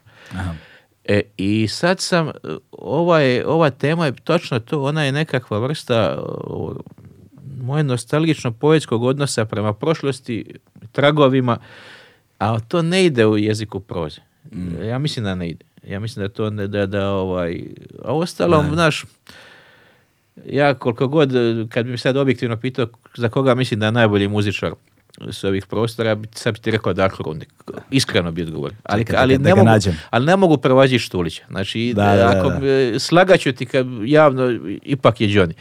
A, ovaj, a onda... Eh, a onda ono njegove ilijade, heksametre, prevode, ovaj, poeme, to je to, mislim. da, da, da, sad pokušam da nađem gde je, gde je, ovaj, eh, Rundek, evo ga, Evo ga, malo je bilo partizana 90-ih, ali jedan od njih je bio Darko Rundak. Tu, evo, ceo, ceo deo ima... E, ali vidiš, ali odmah nakon Rundaka, što je zanimljivo, e, još jed, se nekako... Sad, da li je to slobodno asociranje ideja, da li je to namerno ili je samo onaj onaj Markovina kog ni ti hmm. još uvijek nisi upoznao, izašao, izašao odmah nakon toga, je Hajduk.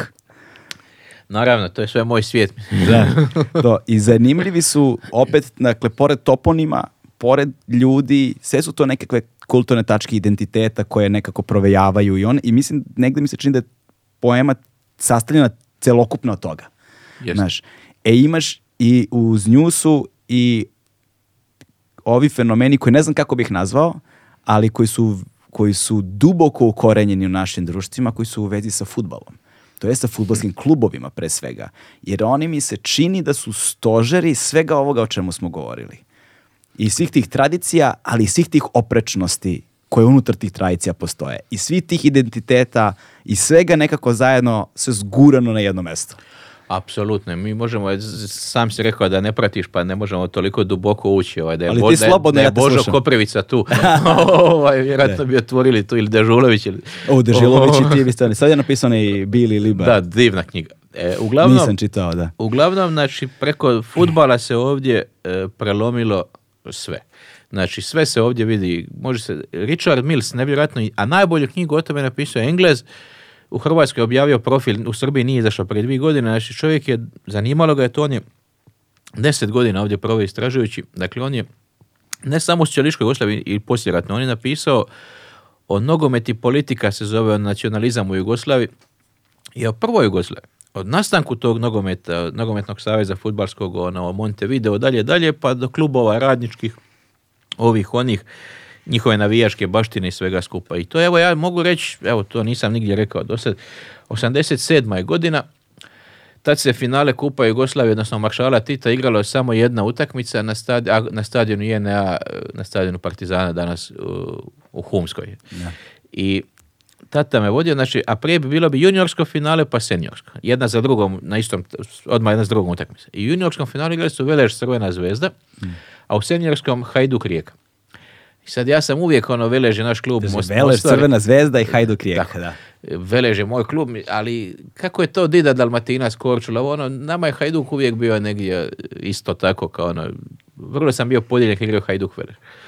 I kaže, tata, ajde, taman ćemo doći, nećemo spavati, jer on sutra radi, ono bi sreda, ono, finale kupa, nego vozom iz Mostara u Beograd, ručat ćemo kod dede i bake i utakmice, idemo na, i noćni voz nazad e, za Mostar, eto, tamo smo pred I sad, evo, tačno, ja sad sa odmakom to gledam, tad nisam imao pojma.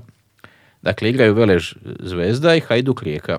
I mi smo na zapadnoj tribini, ja imam šest godina. Ako danas se sjećam i utakmice i golova, Zvezda je dobila Veleš 4-2, Hajduk je na penale nakon 1-1 pobjedio Rijeku. I uglavnom, oko nas su uglavnom sve beograđani Srbi, mislim, vjerovatno su Srbi, tu oko nas domaći ljudi, ovamo su navijaške skupine su na ovim raznim stranama pokrajnjim.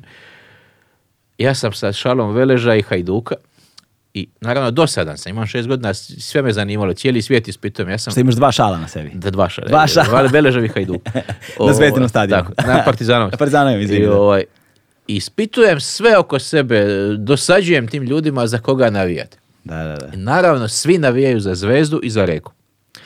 Dakle, protiv E, ja onda zašto? Logično da je za Zvezdu, Beograđani su mislim. Ali Reka je više malo srpski grad nego, nego Split i Hajduk i sad je cijeli taj meni kontekst tek poslije jasan. Ovaj, zašto neko navija, zašto je meni deda e, kojeg nije nogomet tu uopće zanimao, nikad ga nije zanimao nogomet, ali je bio partizan, e, došljak u Beograd, znači za partizan, vojnik. Znači, to je to. I moj ujak, i on je umro, nažalost, Beograđan, navija za partizan. I mama je tako odgojena. Ali mama je odgojena na bulevaru, na vračaru i mama je uh, kao tineđer počela za zvezdu. Jer to priča Partizana tu nije baš bila ovaj, s gradskom ekipom. Bila. Ovaj, tako da se tačno se znalo, zaista se znalo, znaš, ovi hrvatski, malo hrvatski obojeni su navijeli za Dinamo, ako nisu i za Zagrebčani, logično, ali iz Hercegovine, iz Dalmacije. Dinamo je kao hrvatski klub, Hajduk je ono malo sumnjiv, naš partizan Jugoslavija, Tito voli Hajduka. Jako se znalo, Velež je bio harko komunistički jugoslavenski klub do zadnjeg, ona, i danas je čak i ostao. A onda su Hrvati napravili Rinskog, koji je bio zabranjen 45. Dakle, sve se kroz nogomet ovdje može, može e, proučavati i mislim da su te, nažalost, nogometne tribine e, svih ovih godina, pa i grafiti i morali koje navijači crtaju, i da su oni indikator zapravo onoga što je čak više nije ni ispod površine, na površini, ali, ali nije toliko vidljivo u mainstream javnosti kao to je, to su neki huligani. oni jesu huligani, ali to su, oni jasno, oni da smatraju da je zapravo nedopustivo, ne znam, crtat mladića, e, ne bi ga crtali. Mm. Oni, oni, oni, utvaraju sebi, što bi Čiro Blažević, kad smo išli na nogometu, to je njegova fraza, ja sebi utvaram. Oni sebi utvaraju da su oni protiv sistema. Da. Oni su sistem. E, a on ne, bi to crtali da, da, da znaju da je nedopustivo. E, sigurno. Da, da, to je zanimljivo. Ali je zanimljivo i kako se e, stvar koju ja nikako ne, ne mogu da osporim, i to tu prevashodno govorim o futbalu, jeste način na koji je kroz njega i kroz kulturu navijenja zapravo u velikoj meri prožeta i alternativna kultura koju sam ja pripadao. Znaš, od načina i pripada mi dalje u velikoj meri, da ne, ne, ne Bože prošlo vreme, znaš. E, o panku da ne govorimo, o ska muzici da ne govorimo, o, o, modi koja se nosila, o brendovima koje si se vezivao, o, o jednom, um, znaš, sad, to bi sad bio neki romantičarski duh, jel te, nečega što je, ali ono zbog čega sam se ja udaljio, znaš, ne mogu da kažem da nisam s time odrastao, lagao bih, ali ja sam isto doživao transformacije razno razne. Ja kada bih sreo sebe od pre pet ili deset godina, znaš, bilo bi me sramota da, da me vide sa sobom na ulici. znaš, ovaj, I verujem u to, kao što, znaš, kao što se kaže, kao što svaki grešnik ima budućnost, tako i svaki svetac ima prošlost, znaš. I svi mi imamo život koji je ispunjen i ovime i onime i transformišemo se i menjamo se i ti se sam govoriš o tome i ovo je dokaz, jel te, svega toga i negde moramo da podvučemo crtu i ostavimo jednog dana sve to nešto iza, da prošlost bude prošlost, da bismo mogli da nastavimo dalje da se pomirimo sa sobom, znaš, da oprostimo sebi, da oprostimo drugima. Ali u toj fazi tih transformacija, znaš, ja sam odrastao u svemu tome, ali nekako, znaš, da zbog svog porekla koje, znaš, tako mešovito, ono, i iz mešovitog braka i i i etnički i rasno i na svaki mogući način, znaš, uvek mi je falilo to uporište pripadanja, znaš, i možda jesu ti neki konstitutivni elementi subkulture koje su pratile futbol dolazile do mene i prihvatao sam ih i potrebio kao teenager da se identifikujem i da pripadam ulazio bez mnogo razmišljanja i kao delio taj neki sentiment koji je nužno, nažalost, sa sobom u godinama u kojima su mi odrasle, ali nosio i brojne vrednosti koje nisam prepoznavao tada. Ali onda trenutak kad ti počneš da ih osvešćuješ i počinješ da ih osjećaš kao strano biće sebi, znaš, jednostavno, znaš, čini mi se da je tu futbol onda instrumentalizovan u velikoj meri. Da je postao oruđe kojim uh, i da je to postalo toliko veliki deo svega da mi je najjednostavnije bilo samo da ga ostranim i udaljim od sebe. Ja te tu potpuno razumijem i ti si upravo i ti ne mogu ti oponirati racionalno, ali ti mogu oponirati mitološki. Ovaj. kao, da nam, kao da dovoljno mitova u ovim ovaj. prostorima spomenuo sam Božu Koprovicu i, i, i Boru Dežulović. Ti spomenuo boris Da. Ovo, ovaj, mi manje više politički, ljudski ovako razmišljamo slično. I čak smo svi negdje individualci zapravo. Da. Realno individualci. Ali to koliko Božo može o Partizanu e, lijepih romantičnih tekstova napisati ili Boro o Hajduku, e, zato, je, to, zato je to bitna stvar. Mm. Zato što to, e, zato što je književnost, poezija, e, identitet, iako ne volim uopće baratanje identitetima s obzirom što nas to košta ovdje. ovaj, to je istina. Ali to je sve vezano uz tu neku romantizaciju nogometa. Mm. Znači, to je to. I taj, sport je, sve je to tako. Danas je to daleko od onoga što je bilo 80-ih ili 70-ih, posebno dok nije bilo navijačkih skupina i dok nisu one politički upravljane na način koji... Sve to tako. ali to je to je nešto što nas, zašto je on najpopularniji? Iz dva su razloga zašto je taj sport najpopularniji vjerljivo na svijetu i zašto je sad toliko love vrti oko njega. Zato što je to jedini kolektivni sport e, e, u kojem neko koji je izrazito bolji ne mora nužno pobijediti. Znači, neko koji je bolji u košarci, u vaterpolu, u rukometu, u odbojci, pregazit će ovoga. A ovdje ono je bunker 0-0, korner, gol iz kontre. Znači, i dalje, bez obzira na Manchester City, na, toliku razliku u lovi, oni dalje mogu izgubiti od klubova koji su puno loši, dakle izvjesnost. On nudi neizvjesnost puno veću nego i jedan drugi kolektivni sport. I taj, to što to sport radničke klase i ulici. On, kapitalizam njima to sad oteo. Znači, to je počelo u Engleskoj, sad s ovim super ligama i sad se opet vrti u krugu tih deset klubova, petnaest najbogatijih koji... Sve to tako. A, I digli su cijene ulaznica da ne može radnička klasa više. ali i dalje on, on tu lovu crpi od, od ljudi koji po pubovima gledaju utakmice, ono, a sirotinja su. Dakle, on ima to i on će to uvijek imati. Znači, koliko god oni upropaste, on će imati ovaj moment identifikacije simboličke radničke klase mm. sa nogometom, imat će faktor neizvjesnosti. I to je nešto što ga drži što ga drži daleko na, daleko na površini. A ja bi iskreno, evo, meni je politički na svaki način žao što je Zrinski na, na, taj način obljen u Mostaru, pa je Veleža prognao sa i sve to stoji, ali mi je danas drago da sad, e, volim tu vrstu rivalstva, da sad u gradu imamo gradski derbi. Ovaj, I sad kad bi me pitao ovako, da sam Beograđanin, da živim tu, da sam tu odrastao, Sad moj habitus bi bio protiv svrstavanja u neka od dva vodeća. Ja bi navio Zavka Beograd. Da, da. A si izabrao ono. A to je taj treći klub koji, je. koji nije... zanimljivo je da u Srbiji, znaš, e, barem ja odrastajući na Voždovcu, ovaj, poznavajući prijatelje širom, jel te, Srbije oko klinac, a, a potom i, jel te, bi, bivši Jugoslavije cele, um, zanimljivo mi je da zapravo skoro sve republike se dele na ono velike klubove za koje se tradicionalno navija, ali pored toga imaš i mali lokalni za koji navijaš. imaju dva kluba. Znaš, ne nužno svi, znaš, ali velikoj meri, znaš, kao imaš dva kluba, imaš lokalni klub svoj koji je ono mali pod znacima navoda nebitan, ali je tvoj predstavlja deo tog nekog lokalnog mentaliteta, lokalnog identiteta, lokalnog šta god, gde, je gde ima neka čar u tome da nas 20 smo na praznom nekom ono, polju i kao, daš družimo se, da je zapravo izgovor za dobro druženje i utvrđivanje tih međuljudskih odnosa ovaj, i imaš taj neki veliki koji ti je, ono, znaš, ne znam, nešto što kad odeš negde reći ćeš to, hm. znaš, nećeš, nećeš se, nemam, nemam pojma, tako sam nekako to doživeo, znaš. I da ti lokalni imaju opet svoju, ali ono što mi je zanimljivo i zbog čega ne mogu u potpunosti da otresem, jel te taj jeste ta moć iracionalnog koja hm. se koja provejava tu sve vreme i koja je negde toliko jaka, jer ono s čime se ja borim, znaš, kao negde, znaš, neću kažem filozofski, ali u nedostatku boljeg izraza, a, fundamentalna nevažnost svega toga, znaš, i kao, i apsolutna, apsolutna ovaj, neodvojiva Uh, životna važnost svega toga, znaš, i istovremeno postoje. E sad mi, ja inače mislim da je marksizam da je, bit ću sad, prva mi je ta pala me, pa će drugo pa popušio. Da, da, da. da, da je marksizam popušio zato što e, zato što je iskreno vjerovao u priču da je ekonomija srž svega, a isključivo sve iracionalno. E, e, ali, baš te sad marksističkim, ovaj, eh, marksističkim argumentom odgovoriti zašto mislim da nije nevažno.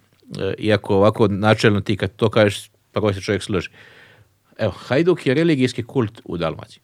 Znači, to uopće nema, ono, ljudima je više stalo do Hajduka nego do koji su vjernici, vjerujem. E, ozbiljno. to je na razini, nije to u Beogradu, ljudi su navijači za koje očekuješ da su navijači. A Dalmacije, Hajduk je nešto, kao što je vjerojatno u Barcelona u Kataloniji, znači nešto što je i dio identiteta i obiteljskog i ovog, znači baba, dida, mama, tata, pas, mačka, svi navijaju za Hajduk, to se ono, e. Kad Hajduk igra veliku utakmicu u Splitu, tu dođe, mi smo, ja smo skočili, išli malom brodicom, ono, mediteranske plovidbe, račišće, šest sati, pa bi tu žene nakuhale makarona, ribe, ovoga, onoga. Znači, ono, cijela zajednica, ono, sto ljudi na brodici putuje, igra na karte i pije da bi još gleda Hajduk. Znači, e, sad, to je tako izgleda. I dan danas tako izgleda. dakle, kad igra Hajduk veliku utakmicu u Splitu, u Split se sjati mimo onih 20.000 recimo ljudi koji žive u Splitu koji će otići, još jedno 30.000 ljudi koji su došli samo zbog toga u Splitu i svaki od njih će potrošiti taj dan bar 50 eura, malo sam rekao, možda i 100. Sad pogledaj koliko je to za ekonomiju. Ovaj, koliko, je to koliko zapravo znači. I a ako Hajduk dobije, potrošit će 200 eura. Jer će slave postati. Tako je. Dakle, to su ekonomski vrlo bitno. Mislim, to nije samo simbolička stvar. To, je, to stvar koja, je realno životna. Koja je realna životna i koja, koju ne možeš negirati E, ne možeš negirati značaj u tom smislu. U tom smislu i zato je, e, ja i dalje mislim da je dobro, Srbija malo zemlja koja, koja, koja do te mjere zastranila da je zaista jedan čovjek najbitniji u svemu. To je očito kod dan. Ali, recimo, u Splitu je puno bitniji predsjednik Hajduka nego gradonačelnik. Da. ono, ovdje je sad se namještaju vjerojatno predsjednici klubova po političkoj odluci jednog čovjeka, ali, ali u pravilu, dakle, to su neke funkcije koje su bitnije za grad, za zajednicu nego što moj grad našli kojemu realno ovo e, mhm. komunalije znači da sad razmišljaš posebno ako uzmeš u obzir sa te velike klubove govorim po Europi pre svega ovaj koji sačinjavaju deo globalne pop kulture znači da su imena tih futbalera dresovi to je Znaš, ja sam siguran da futbolski klubovi poput, ne znam, Real Madrida, Barcelone, Manchester da generišu mnogo više novca kroz prodaju robe, imidža, imena i prezimena, boja, kulta onoga što oni jesu, znaš, kad bi se napravile, ne znam, Lego, kockice sa tim koliko bi ih prodali na globalnom nivou i da, da, da je to novac koji drastično utiče na ekonomiju mesta gde se nalaze, a samim tim i na kvalitet života ljudi koji se tamo nalaze. Znaš, to je isto. I to je, mislim, neodvoji faktor, ali postoji tu i onaj gde bih ja bio licemer ako bih rekao da me apsolutno ne zanima. Znaš, ne postoji, ne verujem apsolutne kategorije tog tipa. Znači, i onda meni, recimo, svetsko prvenstvo u futbolu. Znači, niti me zanimaju nacionalni, niti me zanima futbol, niti me zanimaju nacionalni timovi posebno kao takve, niti FIFU ono, mogu očima da vidim, jel te, i sve što prati sve to, a posebno svetsko prvenstvo u Kataru koje mi je problematično na XY nivoa, ali sam morao da gledam Maroko-Francuska. Znaš, jednu sam samo utakmicu gledao, gledao sam tu. Znaš, ovaj, zato što, znaš zašto? Zato što nisam mogao da je ne gledam.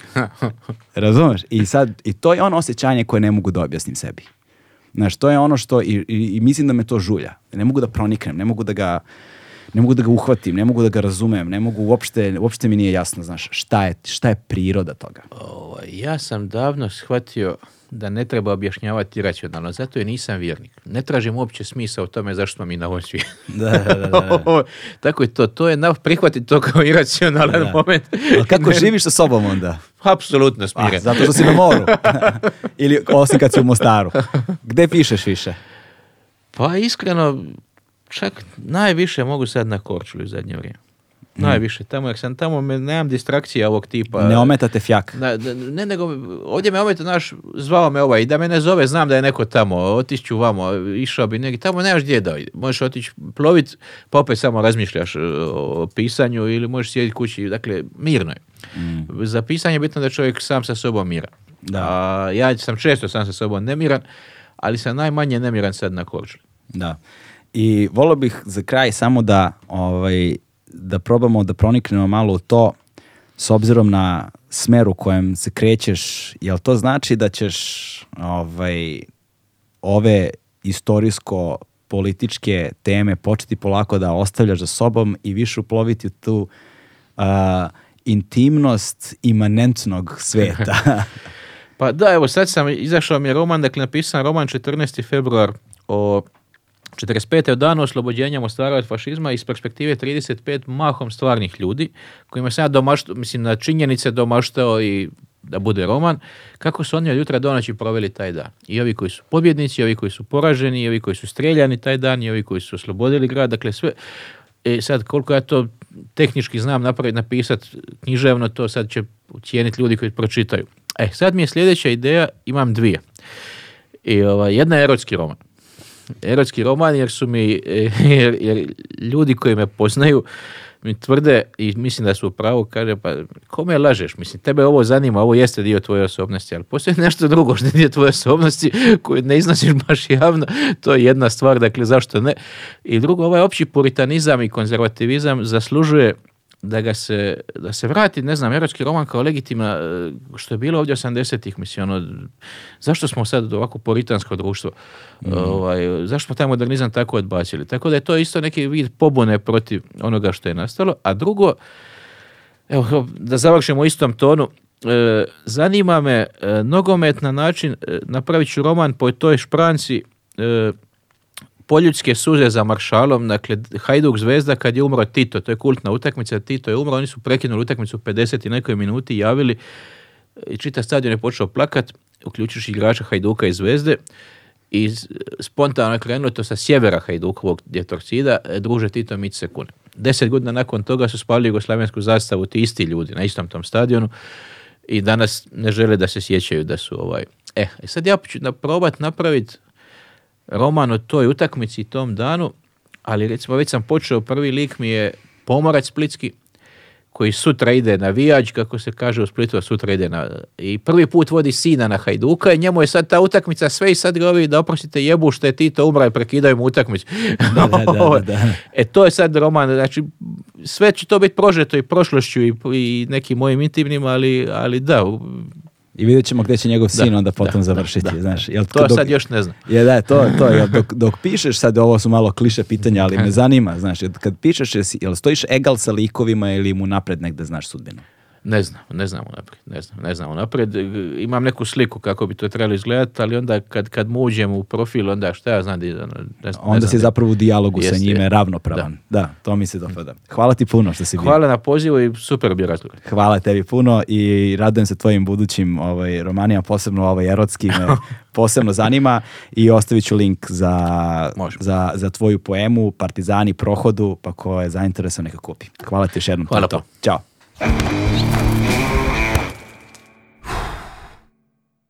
Hmm.